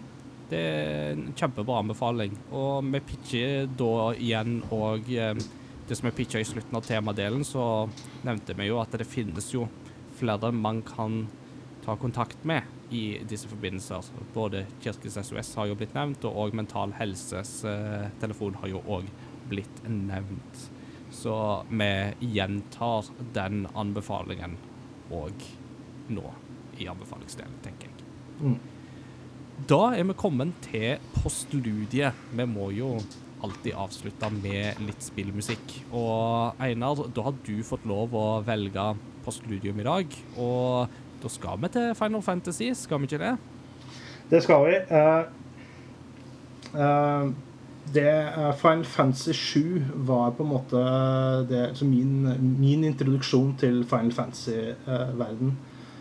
og um, det var kanskje en av liksom, de eh, tingene som jeg, Den tråden som jeg mista når vi snakka om positive ting med eh, dataspill, er også at, dataspill er jo eh, Sånn som det var da på 90-tallet, når jeg spilte det, så var det at det, da var det ikke så mye online spilling.